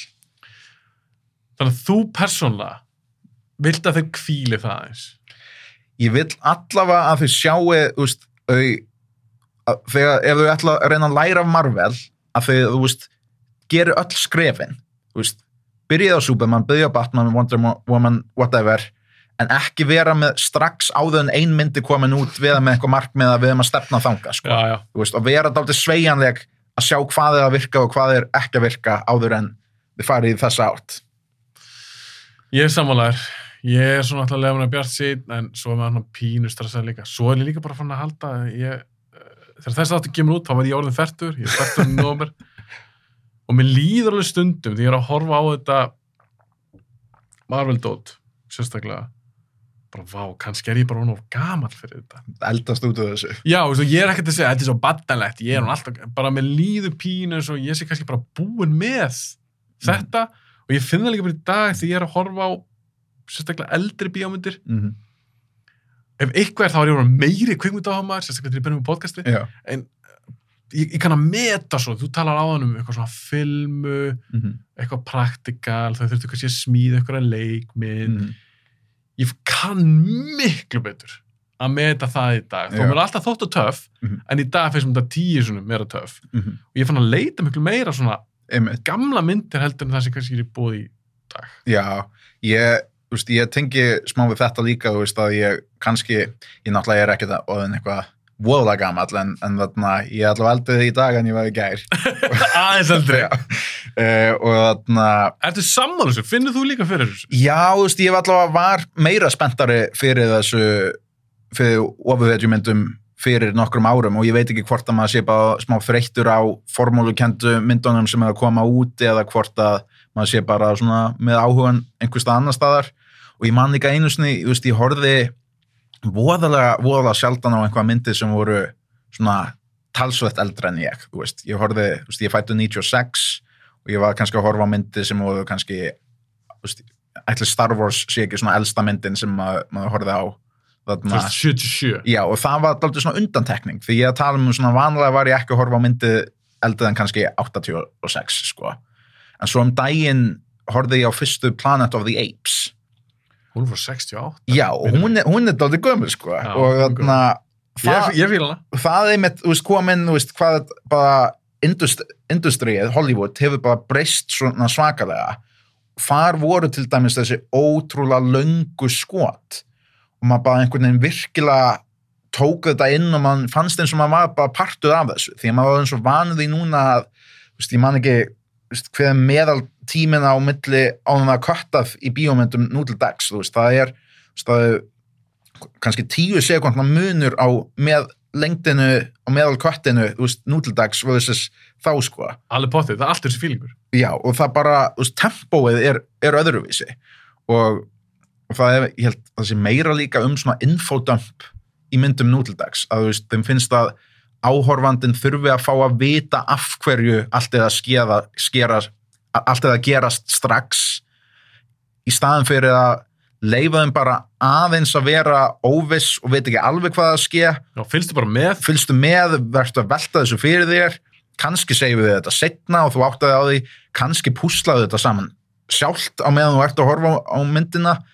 Kannski ferðu úr myndinni og þú ert ekki alveg viss hvað gerðist en þú ert ennþá að hugsa um það þegar myndin er búin Ja. því að púsluspilin voru þarna og þú ert bara svona, já hvað svo, svo setna þegar þú liggur andvaka yfir þessu, þú ert fæðin í háttin þú allt einu smetlu þetta saman og þú ert bara, yes! Þess vegna gerði hann þetta. Já, það, það bara situr þetta leikur í þér. Einmitt sko, í staðan fyrir að sé bara hérna, með skeiðina, hérna, já, fá, hérna kemur flugvélinn, hérna er er þarna ástæðan af hverju mata já, mata mann bara, þú veist En finnst þú ekki finna, eh, finnst þú finna sérst fyrir þú eldist, og Mhm. eins og segir, þú ert ekki gamall, þú ert tölvöld yngri en ég. Er ekki að fara að tóa eitthvað í þig? Svona að kíkja eins á eldri myndir? Jú, al algjörlega sko uh, en ég held að það sé líka bara út af því að uh, náttúrulega þessar overheadjumyndir, stæðstu blockbusterna nú til dags Það er og þær, eru hannaðar til þess að vera með eins víðan áhorfandahóp og þau geta þannig þær Er þetta ekki gallið samt? Það, það er Getur ekki höfða til allra. Það er ekki hægt. það bitnar, ég er með að reyna að segja það, það bitnar á kvalitíinu á myndinni því að þegar þú hefur reyna að höfða til svona marga eins víðan, kasta eins víðu neti og þú getur sko, þá þarna þá þarftu að einfalda hluti og þegar þú hefur kannski séð svona hluti einfalda oftar og oftar þegar þú ert orðin eldri og hefur séð fleiri og fleiri bíómyndi þá byrjaðu svona að geta spottað hluti áður en það gerast og þetta byrjaði að minna spennandi. Og þá einmitt vill maður kannski leita í einhvað sem maður hefur ekki séð jafn mikið af, einhvað aðeins meiri núans. Og og ég, ég er ekki að segja að það getur ekki getur ekki að, að, það, að það sé ekki hægt að gera það í ofurhetjum bíómyndum ég bara segja út af því að það er orðin normið að ofurhetju bíómyndir eiga að kasta eins víðu neti og þau geta. Að fáar taka sjensin á að nei, ég ætla að hafa þetta aðeins flóknara til þess að reyna að gera betri, betra storytelling Mér finnst það svo pyrrandi, þeir skul ekki fatta, eins og tökum bara Joker, Mhm. Joaquin Phoenix. Hún var ógæðslega vinsæl. mm -hmm. Og ég held að sé að miklu leiti að því að fólk var kannski að sjá þarna eitthvað svona aðeins nýtt. Þó að Algjörlega. vissulega, þá er þetta rosa mikið Taxi Driver Mhm. og King of Comedy, sem ég hef ekki, sé- ekki séð King of Comedy, ég sá Joker, mm svo sá ég hana fyrir nokkrum mánuðum. Já, og þá hugsaði mér, vá, hann tók svaka mikið úr þessum já. tveimundum það er þetta að fara rauk fyrir því mm en þú ert samt með hennan Joker karakter einmitt sem við þekkjum öll þetta er Joker Mhm. í nýjum búning Mhm.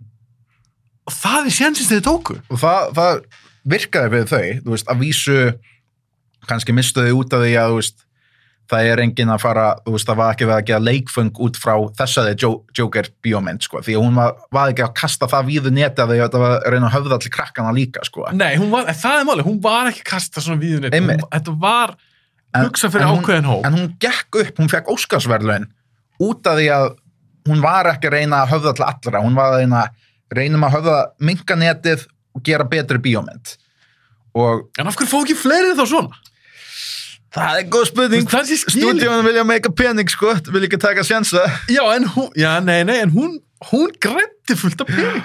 Já, maður bara einmitt vonar að þarna, að þau horfi á þetta sem svona við með, ok, við, get, við þurfum ekki að gera þetta úst, höfða til, reyna að höfða til allra hafa brandara sem underkvötta öll emotional moment því að fólk má ekki veða proper sat í bíómyndinni jafnvel þegar eitthvað sorglegt gerist því það er svo típist náttúrulega í Marvel-myndum einhver karakter að deyja og svo kemur einhver, hefur, gott að hann en ekki ég, ha ha ha, þú veist. Já, já, og það veist, köttar út alla, allt impactið, sko. Því að, veist, því að Marvel vill að fólk skemmti á myndum og það má ekki við að sorgmætt í myndinni jafnvel þótt að einhvað sorgmætt var að gerast og En það verður sem þú segir, maður sem búin að sjá þetta svo oft, þá verður þetta svona þreyttar á algjörlega.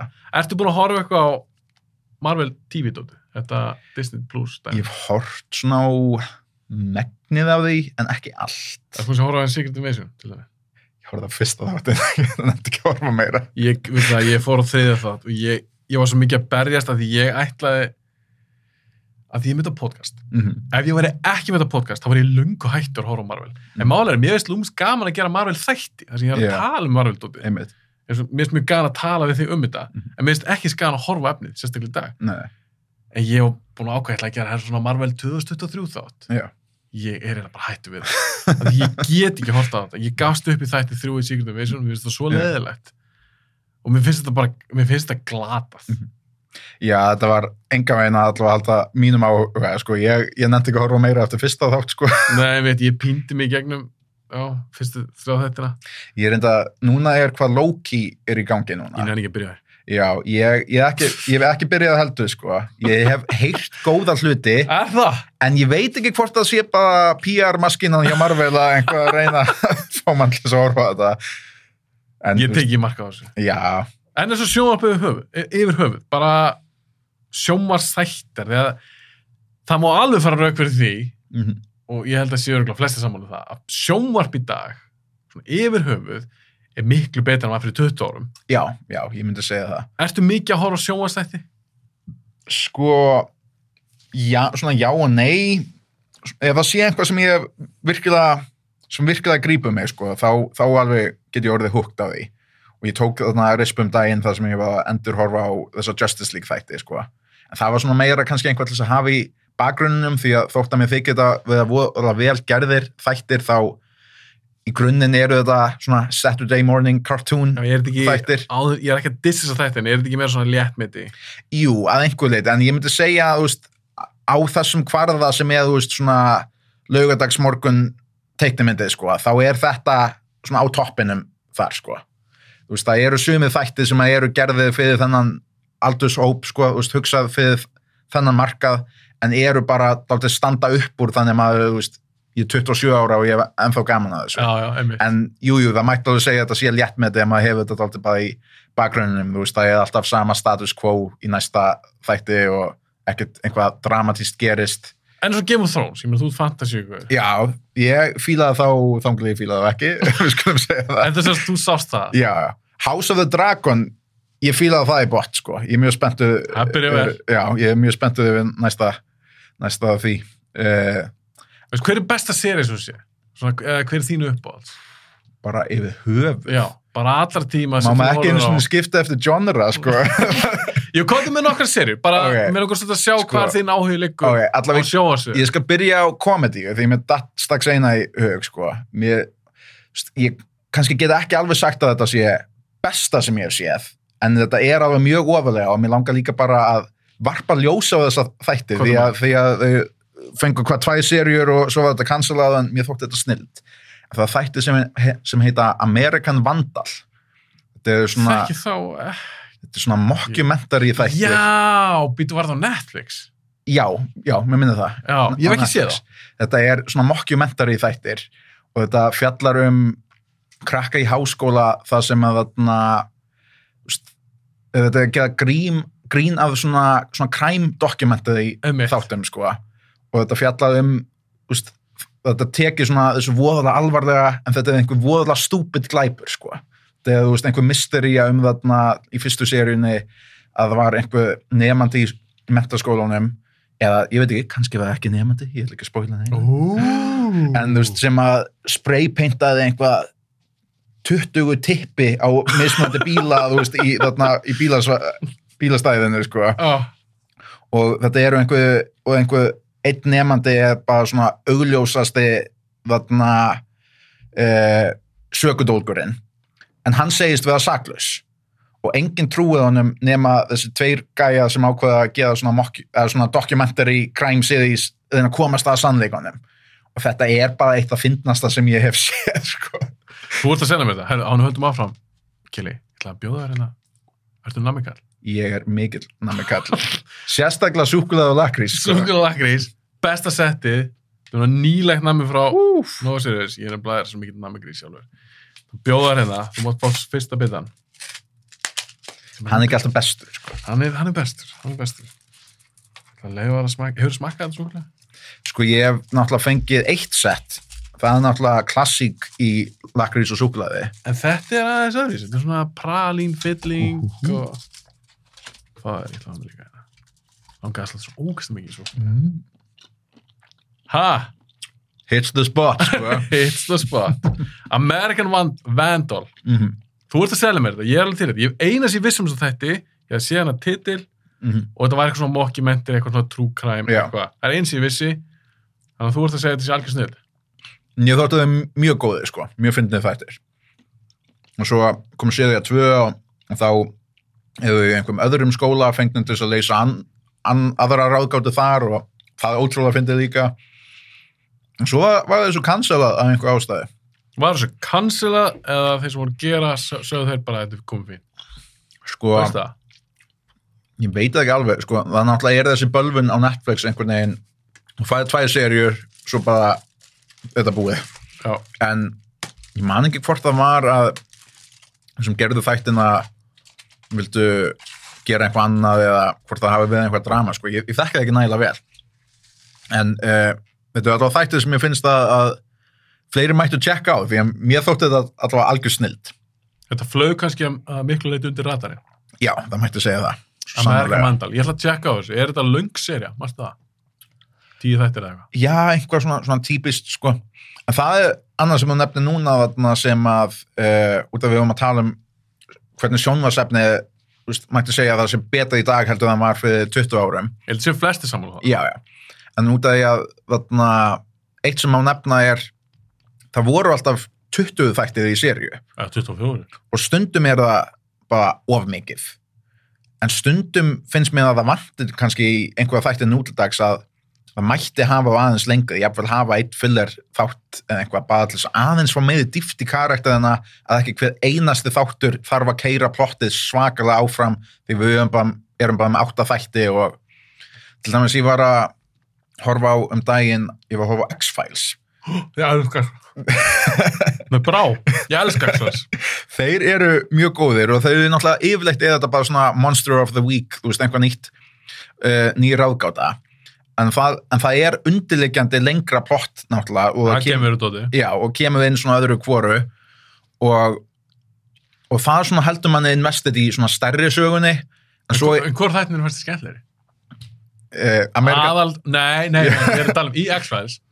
En þú ert með þessa gemveru, þessi Mhm. overarching saga ekkur, svo ertu með svona Monster of the Week. Hvort þarst það skemmtlegra? sko mér finnst Monster of the Week dæmið, það er svona meira efnið sem að maður gæti haft svona í bakgrunnum svona background viewing Fá Já, ekki. með fá svo það. það- Við ætlum að klára þetta. hérna.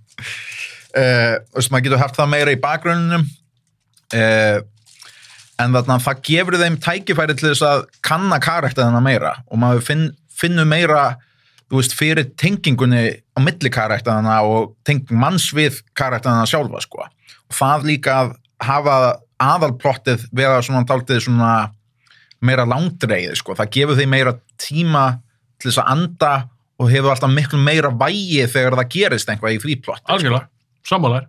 og þetta náttúrulega var líka alveg, veist, ég var kannski ekki á réttum aldri þegar þetta var gefið út fyrst sko, en maður hefur alveg heyrt að þetta var alveg legendary þetta svona sexual tension á milli Skuldur en Mully sko hef- og Mulder. Já, já, einmitt það, það hefði ekki ge- gerst hefði þetta verið áttaþættið í seríu sko Nei. þá hefði þarna þarna þau þurft að þvinga þessu svo saman, veist, þannig svo mikið var að geðast í hverjum þætti að þetta væri bara eins og hvert annað rómans, þú veist, þau hittast eða vinni í fyrsta þættinum, svo geðist einhvað í öðrum þættinum, í þriðja þættinum fæðu í sleik og svo eða bóðinni par í lokin, sko. að því á sín tíma, að því ég er mikill axarsmaður og ég var alveg á fullkomna aldrei þetta kemur út Mhm. þetta kemur út 93, 30 ári ár og ég fættur 83, en ég er 10 ári þetta kemur út Mhm. X-Files mótaði mér rosalega. Og bara minn smekk og ég er mikið áhuga líka horror og svona, það var alltaf horror element í þessu alveg, Mhm. að stóleit og sci-fi líka. En ég man að ég er að horfa á þessar serjur Að það var einmitt alltaf að tala um þetta er auðvitað áður að netið var svona stórt. Mhm. og ég fann það bara eitthvað, á okkur bara sem úlingur, að ég vil að þau séu saman af hverju eru þau ekki kærstu bara, af hverju, á svo gæðveitt gott kemistri á milli þess að leikara á þess að kartara Mhm. svo kemur bíamöndin út Mhm. kom Exos bíamönd, hún kom á milli serja þetta er 98 Mhm. sér að fimm árum eftir að byrja seríuna Mhm. þá er atrið í bíamöndinni þar sem þau eru næstu því að fara að kissast Mhm. svo er svona stungin af bíflugu það sé þessa mynd allavega Hver man ekki eftir því að vera að fara í sleik og svo kemur bíflugur og skemmið allt, sko. Já, málega þau voru nýbúin að fara í gegnum eitthvað, eh, þetta var ekki random bífluga, þau voru búin að fara í gegnum eitthvað svona bíflugna dæmi og, eitthvað svona rannsónastöð eitthvað. Og það var bíflug sem fór innan um kragan á skölli Mhm. en þau eru svona alveg að fara að kissast og svona stingur hún, ah, og þau klára ekki kossin. Ég man í bíó þarna er ég eh, 15 ára ah, mér langaði svo að þau myndu kissast eitthvað en svo alltaf þegar leið síðan á seriunar þegar þau urðu síðan eitthvað svona par Mhm. það fóru svo mikið úr Það tekur tensionið út, sko. tegur tensinu út og þau hefðu aldrei átt það Þetta er það er sama. og gerðist í The Office. Þú veist, mikið af svona romans, þarna tensionin var alltaf á milli þarna Jim og Pam já, einmitt og svo hvað er það í þriðju eða fjórðu serju sem að þau verða par og þá þú veist, ég ekki að segja veist að fóða þá allt í vaskin þú veist, að, veist, ég myndi að segja að quality af þáttanum byrjaði ekkert að dvína fyrir en Steve Carell hætti og það var ekkert einhvað off a cliff, þetta var bara svona hægt og rólandi Já. rólega niður sko en þarna það var einmitt, þú veist, þegar þau voru loksins orðin par þá var það var svo mikið spennulós sko, þú veist, það spennustigið er alltaf hæst þegar þau eru einhvern veginn aldrei á sama plani og ná aldrei að mætast í miðjunni sko, þegar þau loksins húka upp þá, þá bara dýnamingin er öðruvísi, það er náttúrulega, breytist. Einmitt. Og hvað er að því að hafa eins og í X-Files?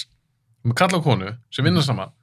Af hverju gátt því bara verið vinnir einmitt, af hverju þetta tróða inn einhverju romantík þetta er einhver Hollywood dæmi sko, Já, því ég held líka þegar það gefið sig að því að fólki, aðdandur voru svo mikið að byggja það þau verða að byrja saman Sorry, ég ætla að góða þetta líka.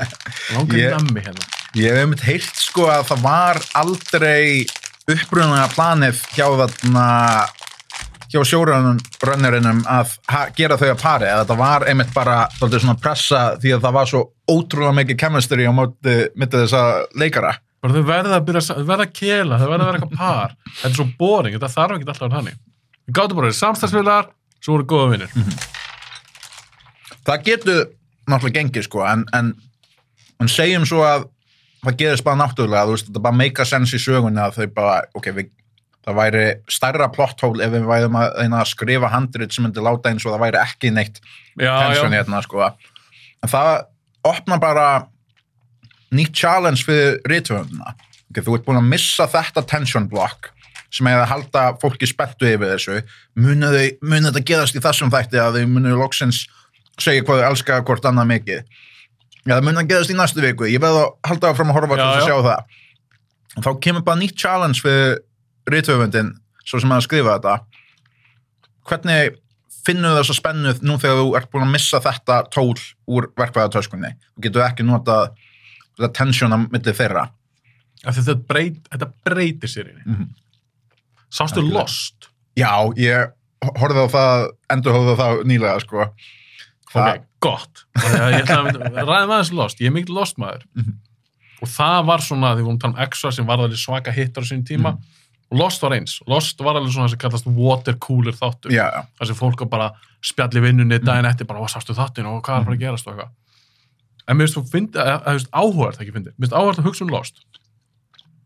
Af því ef þeir eru gerðir í dag segjum að Lost þeir aldrei kom út. Mhm. þeir eru gerðir í dag. Og þetta er eitthvað streymisöndu þáttur að serja þetta er svo allt, allt annað dæmi. Af því að Mhm. fyrstu serjan Lost, þá erum heldur margir þættir. Mm hvað er með þitt svona Lost take, þú sést það var endur hort á þá. Sko ég náttúrulega, hvað endur horfði á það ég horfði á þá, sko, þau komu út fyrst sko, en ég horfði ekkert á þá alla, sko, ég horfði svona þegar ég gat, þetta var náttúrulega bara í þarna veist, í línulegri dagskrá, hvað á mánundögum eða eitthvað. Og maður mistaði í stundum og stundum náðum að sjá einhverja endursýningu en yfirleitt ekki. En ég horfði svona öðru kvoru fram í einhverja aðra seríu. En svo horfði ég á þetta allt þarna um, um daginn sko. Ok, Og- hvernig á svo upplið? Ég áttaði mig dálítið á því sko, að fólk tala svo mikið um að, veist, að endið meikaði ekkert sens, þú veist, það er kannski það, það fyrsta sem fólk vil tala um þegar einhvern nefnið lost það, þú veist, og alltaf þessi mysteríur sem þau voru ekkert að útskýra. Eh, ég áttaði mig á því að það er eh, það er alveg útskýrt svona á, jafn mikið og þarf að útskýra bara sumt ákveðu þau bara að vera ekkert að útskýra það, það þurfti ekki og það er bara meiri misteri í þáttunum ef að þú færði ekkert öll svörin. Mér veist að fá svör við flestu. já, þú veist, ef maður rýnir djúft í þetta þá getur maður fundið svör einmitt við fl- flest öllu. En ef maður kannski er ekki að rýna jafn djúft í þetta finnst maður kannski eins og að vanta einhver svör. En mér fannst það ekki það punktu þú þarft ekki að vita þetta allt. Því að þrátt við alla þessar mysteríur þá áttaði ég mig á því að mysterían er bara að l- lokka mann inn sko. En þátturinn er í rauninni á milli fólk og samband þeirra á milli hvers annaða Karakter. karakter, þetta er karakter þáttur. Þetta er ekki mystery þáttur. Og það var einhvað svona ég áttaði mig á því veist, ég hafði ekki spottað það þegar ég var fyrst að horfa Lost sem krakki, þá var ég bara að pæla þú veist, hvaða fucking íspjöldn var þetta, hvaða reikskrimsli og einhver hleri í jörðinni og hvernig komast þau af eiginni en svo er þetta bara, nei þetta er bara fólk með stóra og mismunandi persónleika sem þarf að læra að vinna saman til þess að lifa af og það, Það er lost. það er kjarnin og það er hjartað af þættinu og ég veit ekki hversu mikið maður má spoila en Allir búin að sjá það.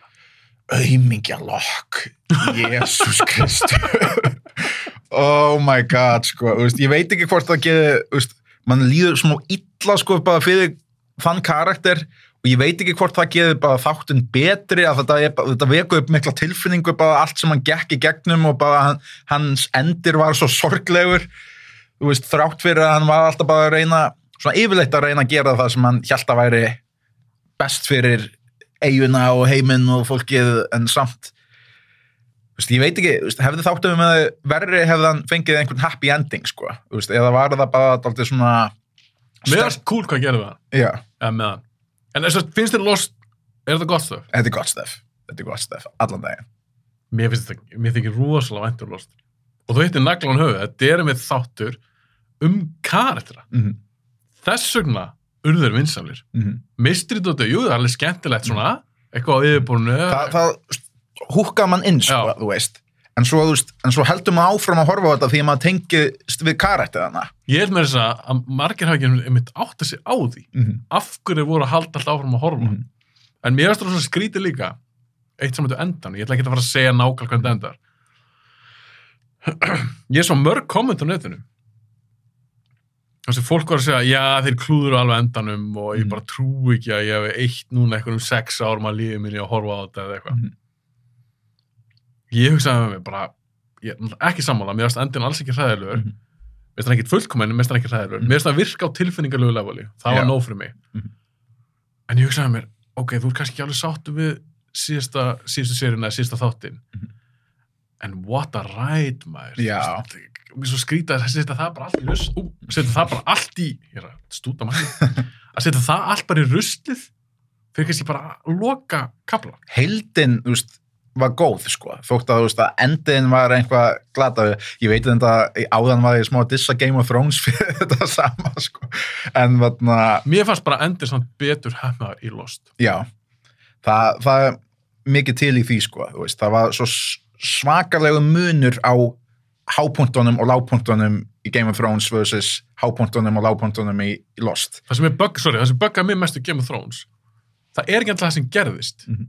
Það var hvað tempóið breytist. algjörlega þeir, var þetta ekki þarna, þeir, þeir fengu einhvern Star Wars stíl og vildu bara klára þetta af og einhvað, hefðu, senasta serían við sex þættið, við ætlum að hérna klára þetta allt á hvað, með tíma Ég, það sem ég held að hafa gæst, ég tala um það áður í podcastum, það sem ég held að hafa gæst, því HBO vildi bara, þeir hefðu verið til að gera hundrasörjur, já, þetta var svo vinsælt, Mhm. þannig að það var ekki þrýstingu frá stúdíónu, og þetta var ekki þrýstingu frá okkur sem áhörund, eða aðdáðundum. Ég held bara þeir voru, þeir voru þreyttir. Þetta er ógeðslega erfitt starf sem voru að gera, ég held að bara þreyttir já. að gera eitthvað annað. vildu klára þetta en vildu ekki þú veist, þú vildu ekki leifa einhverjum öðrum að klára þetta en þeir vildu ekki gera þetta í fimm ári viðbót Ég held um að egoð hafa stuð tekið við hana og bara, nei, þetta er okkar bann, Mhm. við ætlum að klára þetta, en samt erum við valla nenni. já, Og þú fannst alveg, þetta var rosalega hratt hann í, í lokin. Farið hratt yfir svo. já, þú veist, þú maður tala um þú veist, það er kannski á milli þáttæðu kar karakterið að ferðast yfir heimsólfuna sem að tók heila seríu, þú veist, í kannski annaði seríu þegar við vorum að ferðast þetta sama en þau bara einhvern veginn hoppaði þarna á milli, þú veist, Og þú finnur fyrir því. já, Mér veist ekki finna fyrir því, Lost. nei, Fáðu ekki, ég er að hakki nammi hérna. Ég er sem vil nammi grís. já, ég tengi, Ég er líka svona pínusongur og þetta er svona eins og ég grip í, bara, ég fann bara gott nammi. Já, sko, í Lost sko, mér fannst, þú veist, aldrei eins og að sumt af mysteríunum var bara aldrei svona þetta er geðvitt out there. Hvað gæti verið á, veist skýringin á þessu? En þau voru ekkert alveg visk þegar hún var en þetta var bara að þau vissu að þetta myndi heitla fólk.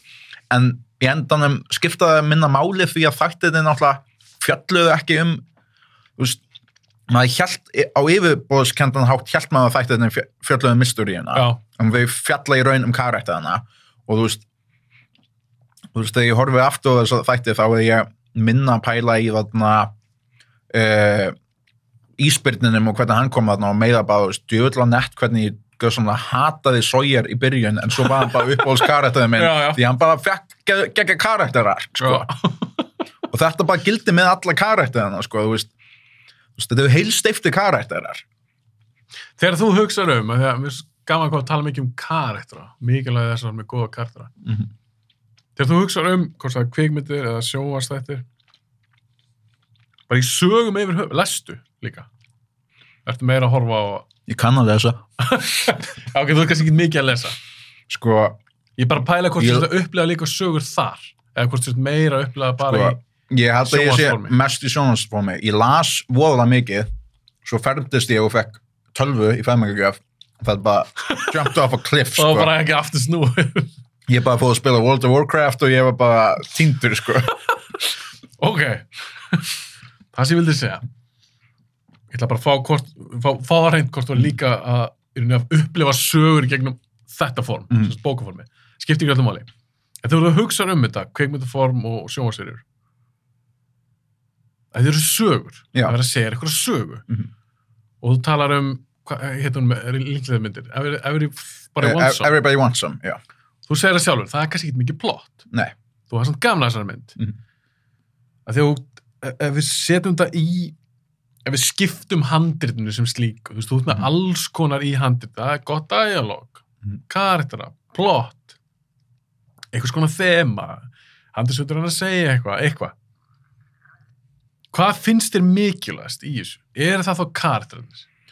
Sko ég held að karakterarnir eru náttúrulega tenging sko, sko handritsöfundi ég held að þeirra hlutverk er náttúrulega að reyna að láta áhorfandan finna fyrir einhverju finna fyrir einhverjum tilfinningum. Og auðveldasta leiðin er, er að gera það er þarna í gegnum leikara og að láta okkur finna samkend með að við tengjum við hvað þau að finna, já, ef ég væri þeirra spórun myndi ég finna fyrir þessa tilfinningu, ég yrði frustrated að ég get ekki gert þetta. Ég yrði dabur ef að þetta myndi ekki ganga upp, ég myndi hlæja því að þetta er ótrúlega skemmtilegt og, það náttúrulega er helsta karakterin er helsta tól handritshöfunda í að skapa tilfinninga. Þú veist, ég er ekki að segja þessi eina tólið. Þú veist, maður getur alveg fengið fundið fyrir einhverjum tilfinningum bara við að sjá ég veit ekki, þú veist, bara einhvað einhvað skot af einhverju landslægi og maður bara einhvern veginn tekur inn andrumsloftið og maður bara finnst eins og já, ég stend hérna í himalæja fjöllunum og þetta er allt voðalega mikilfenglegt og ég bara finn fyrir einhvað tilfinningu. En beinasta leiðin til þess að vekja tilfinninga myndi ég segja sé í gegnum karaktera og ég held að það sé náttúrulega kjarnin á því að að gera góða bíómynd er að vekja upp tilfinningar ef þú ert með karaktera sem eru alveg flatir þá ertu allavega búin að láta skjóta því í fótinn hvað það varðar að restin af myndinni þarf að vera helviti góð í að vekja upp tilfinningar ef að karakterina eru ekki að gera það Góð hóttur. og það getur alveg gengið sko ef þú ert með einhvað mynd sem er einhvað svakalegt spektakóli eins og til dæmis, ég veit ekki, hamfara myndir kannski ef þú býrð í, í einhverju svæði sem að þessi hamfara mynd á sér stað og þú sérði allt í hennu hérna bíóskjánum hverfið þitt eða landi í hverfilbill þá myndi það kannski vekja tilfinninga án þess að það sé neitt karættið þarna. Og ætli hamfara myndi stóleiki á, á einhvað þannig sko. En dettu þér, jú kannski, að vissuleiti, en dettu þér í hug einhver mynd sem þér finnst vera geggjuð. Og þá er þannig alveg geggjuð, ekki bara svona, að hún er fín, allt í lagi, bara geggjuð, virkilega góð mynd sem er með mjög flata kartara. Er eitthvað sem dettur í hug? The Room. Ok, ég er ekki, hef ekki séð hana. sko. Ok, en þér finnst það mæntalega góð af því að hún er svo léleg og eitthvað svona. það skiptir ekki máli. Hún góð mynd er góð mynd sko. Og hún, er, hún fer ringin sko. Hún er svo, svo lélega, hún er einn fyndnasta mynd sem ég hef séð. Ok, en, en ok, þetta er ekki fer reyndar út af því, er þetta mér þykir hún góð út af því, út af karæktaðinum út af því að þau eru svo absúrt að mér þykir það ótrúlega fyndið. Já, það telst þú ekki með. það telst ekki með, ég, ég skaut mig í fótinn þarna sko. Er einhver mynd sem dettur í hug? mm, sem manns bara til vá, það bara vantar alla karakter í þessu mynd. En mér finnst þú geðveik. Ekki fljótu bræði en ég veit ekki, ef, ef ég fengi kortið hérna, kannski getur mér dottið einhvað í hug sko, en Kjell þarf að taka þessu korti núna og hugsa. Þetta er þess að ég hef átt nefnt Tenet já, ég á eftir að sjá hana ok, það er þess mynd sem var rosa fast með plot-driven Mhm. mér finnst vantar karaktera og ég nöyt hennar ekki ég ætlaði bara að spyrja hvort það Mhm. það væri eitthvað svoleiðis mynd sem þér hætti bara geðveik ég held til dæmis að þú myndir skoða ef það er bara IMDb Mhm. þú myndir skoða bara eitthvað top 10 highest rated myndindar á IMDb Mhm. ég er ekki búin að skoða nýlega en mér finnst mjög líklegt að allar þessar tíu myndir eigi eitt sameigilegt, alveg 100% sameigilegt Mhm. það er auðvitað sterkir karakter já, mér fætti það mjög líklegt. Finnst það ekki mjög líklegt? þetta er sterkasta tólið hjá handæðishöfundi til þess að vekja upp tilfinninga. Veist að veist, því að við erum með þetta forrið innbyggt í heilan okkar, veist, samkend, við sjáum einhvern upplifa einhver, einhver tilfinninga og það minnir, veist, og heilin okkar registera það sem, já, hann er að upplifa svona tilfinninga, hún þessi tilfinning lætur því að líða svona og heilinin kveikið á einhverju sem að býr til svona litla útgáfa af þessa tilfinningu. Og, og það er náttúrulega allt minni okkar er byggt á tilfinningum sko. Veist, við munum ekki hvað gerðist, við munum hvernig það leta okkur líða. Góðbundur og þa þannig, þú veist ef við viljum mynd sem situr eftir í kollinum á manni, þá viljum við einhvað sem lætuðum manni líða svakalega fyrðunan hátt einhvern máta sem við vorum ekki búast við. Til dæmis en skott og aksjónið er í The Matrix sem er alveg styrlað uh, og var alveg revolutionary, þú veist, bara uh, brautriðjandi á sínum tímapunkti allavega í Hollywood, þau tók, tóku náttúrulega mikla, mikið innblástöð frá þarna asísk uh, cinema. En það sem fólk man eftir og sit, satt með þeim þegar þau komu út úr bíóhúsum 99 var þetta shit, gæti ég verið í einhverju skona Matrixi? Þú veist, já, já, já. þú veist, það vakti upp einhverja tilfinningu hjá þeim sko. en svo ertu líka auðvitað með það er líka er ástæðan að meitir sem er lifir góðu lífi. Þú ert líka með karakter. Mm -hmm. þú ert með Trinity og Neo og Morpheus og þetta er alveg karakter sem að virka. Þeir eru ekki flatir. Nei, að ég vil meina það ef að þeir eru flatir, bara engi karakterarunni Mhm. það hefði þetta aldrei orðið að þessu fenómenon sem það var Já. Þó, þó að það hefði verið með þessa heimsbyggilegu bælingu með að, hvað er alvöru og búið í gerfi heimi og allt það. En svo er svo interesting því að algengasti karakter bara í cinema er þessi svona hvað kallast, svona protagonist svona tómur protagonist. Einhver sem að áhorfandin getur tóltið varpað sjálfum sér á. Einhver sem að þarf að skýra allt fyrir, er að koma inn í nýjan heim og það þarf alltaf að skýra fyrir honum það er leiðlis að dumpa expositioni á þann karakter en til áhorfandans í leiðinni.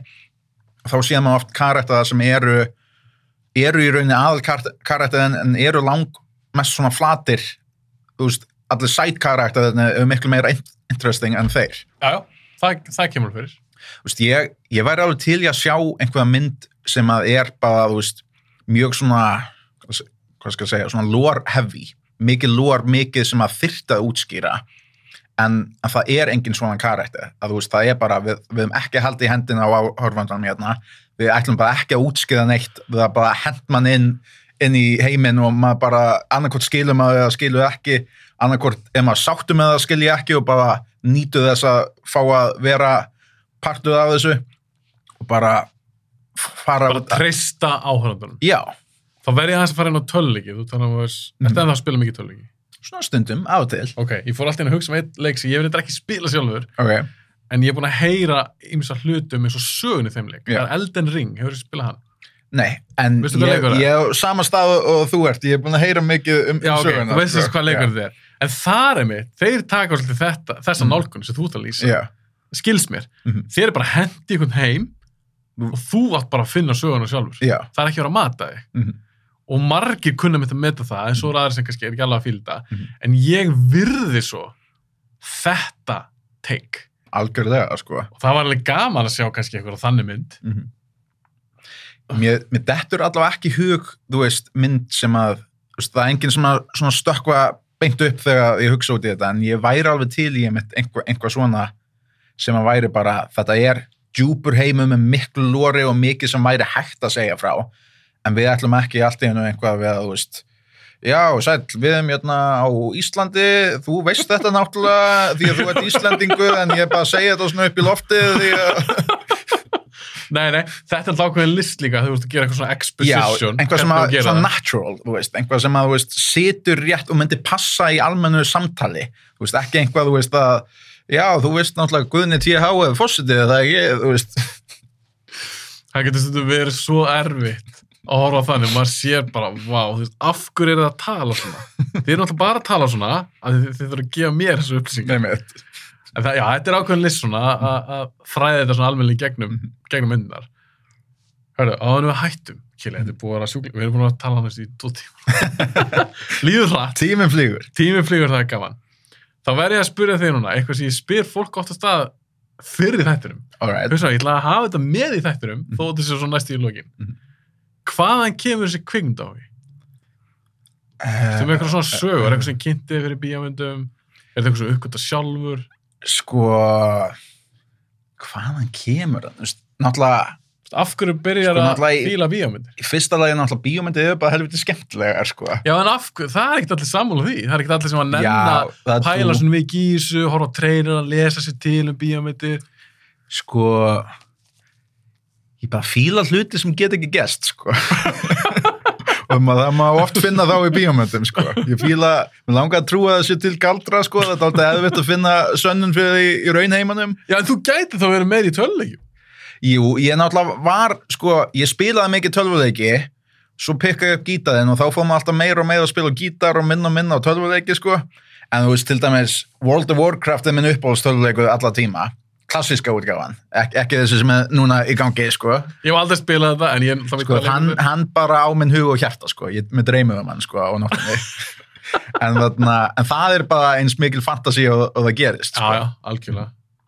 En þessi var, veist, er þetta ekkert eitthvað sem að pappiðin eða mammaðin eða bróðin, eitthvað sem var að sína veist, veist, lítill? af fjölskyldumæðlumum myndi ég að segja að ég sé mesti svona bíómyndakallin sko, kannski eldri bróður minn, hann er, jú, hann horfið alveg líka dálítið á bíómyndið og veist, ég ætla ekki að segja veist, að engin annað í fjölskyldinu horfið á, á bíómyndið sko. Nei, það er svona munur, það horfa langflestur á bíómyndir, Já, en það er ekkert allir kvikmynd á því.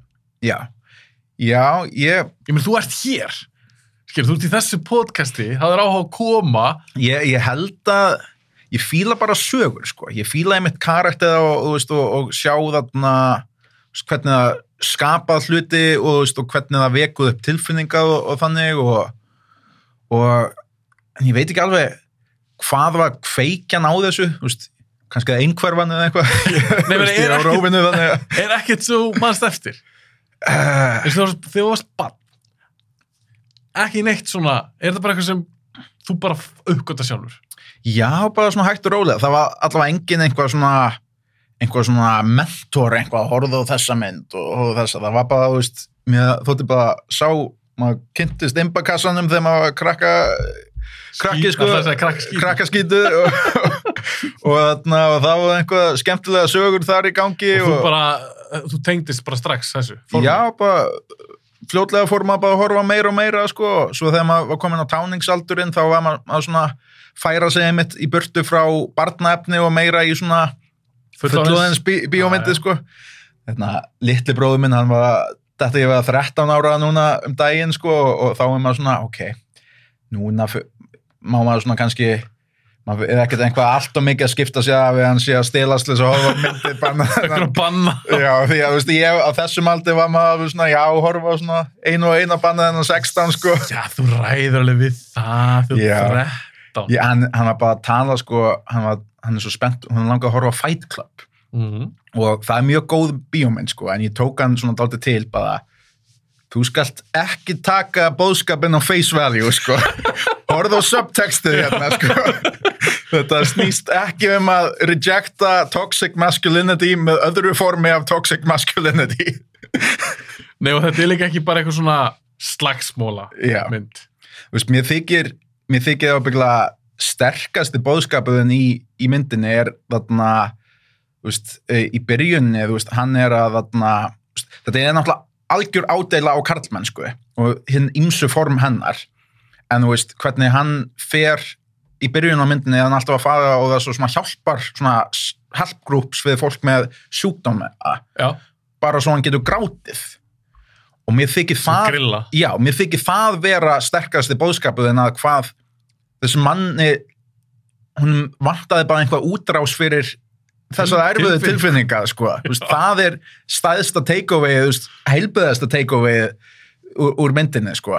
En það er líka svo mikið ífæl já, Þetta er alveg svona mynd sem getur hort nokkur sem á og svona, Mhm. já, pikka út eitthvað svona eitt og eitt alls og konar sko. svo er líka bara geðvegt tónlist í mm. veist, það er allt, mér finnst þetta já, líka Fincher er al- algjör snillingur sko. og fyrst þú sagði Fincher, bara alveg í lokin gana að kæfta, alveg í lokin, Fincher. Hefur séð flesta myndinar? flestar, ef ekki allar. Ok, Ég besta sag- myndinas Ah, ok um, ég myndi segja má ég gefa, gefa jafntefli? Já, þú ekki að uh, Zodiac og eða Gone Girl. Já, ekki Seven sko, Seven, ég fíla hana ekki alltaf mikið sko. Ah, Kelly hún er Þú ert að endina þátt alveg hræðilega. á bombu sko. ég, ég held að ég sé ég er ekki mikill gór eða hrollvekju maður sko, og Já. hún er kannski aðeins svo mikið í þá áttina ég mynd sagði við litla bróðum en hann spurði hvort ætti ég að horfa á Seven eða Fight Club og ég var bara í guðnabænum ekki að horfa á Seven Býttu aðeins fyrir Seven Ok, Zodiac og Gone já Okkur í jafntefla millir þeirra ég fíla svo mikið mystery myndir. Einhvað, þú veist, það, það sem er verið að, veist, að Rannsaka eitthvað rannsaka svona, já. já, já. Mér þykir, það er virkilega svona það er svona hittið beint í mark fyrir mig. Ok, þú, þú spurður má ég hafa jafntefli? Ég sagði já, en nú er það grilla. Hvor, er er meira uppáhaldi? uh, Ef við gefum okkur það bara þér finnst það jafn góðar ég, önnuð er að hlýtur að aðeins mér uppáhaldi. Ég ætla að segja Zodiac. Zodiac Mhm.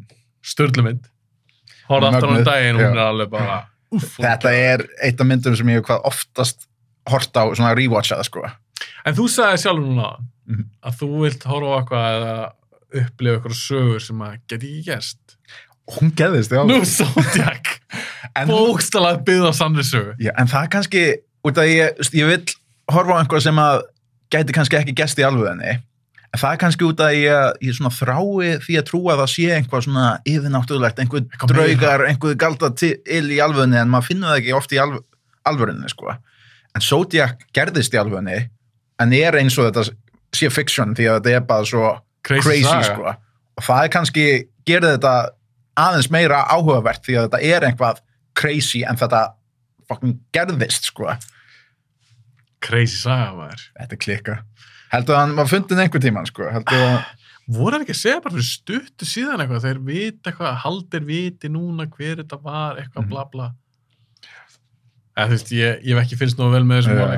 En þetta er geggjur saga, geggjur mynd, alveg í lokin, Kelly, Nóvember, núna er Nóvember, nú, nú er Nú er nóvember. yes, ég veit Hvað ertu að fara að gera spennandi? Ég meina, ertu að fara að spila eitthvað? Þú tala um að vera trúbótor? Ertu, hvernig virkar það? Ertu með eitthvað svona er þetta plug Já, plugga aðeins í loki. Heyrðu, þarna þú ert tónlistamæður, þú ert að gera cool hluti. uh, í november er Iceland Airwaves það er hvað fyrsta helgin í november Ok, þessi þáttu kemur líklegast út 8. november. Er Ég- þá Airways búið? Já, já, Ah. var ég ekki með frábært sjó hérna á Iceland Airwaves sko, við, ég ætlaði með að segja hvað við, við settum bara allt í, í það sko að skila frábæðu sjói sko og ánægðu með hvernig ég stóð með það Jöfnir stóðu húer, mann. uh, og svo er ég búinn að taka upp plötu með Troubadour stöffinu mínu, það sem ég spila og syng angurvær kassagítarlög Ok.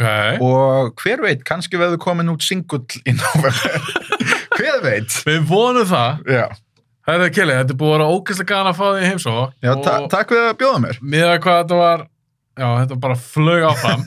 Það var gana að fá ekkert svona aftur. já, endilega Því ég fæ marga gesti, þau koma aftur til mín og það er bara ógeðslega gaman. Þú hefur margt að segja. Kelly, gaman að heita þig. Takk fyrir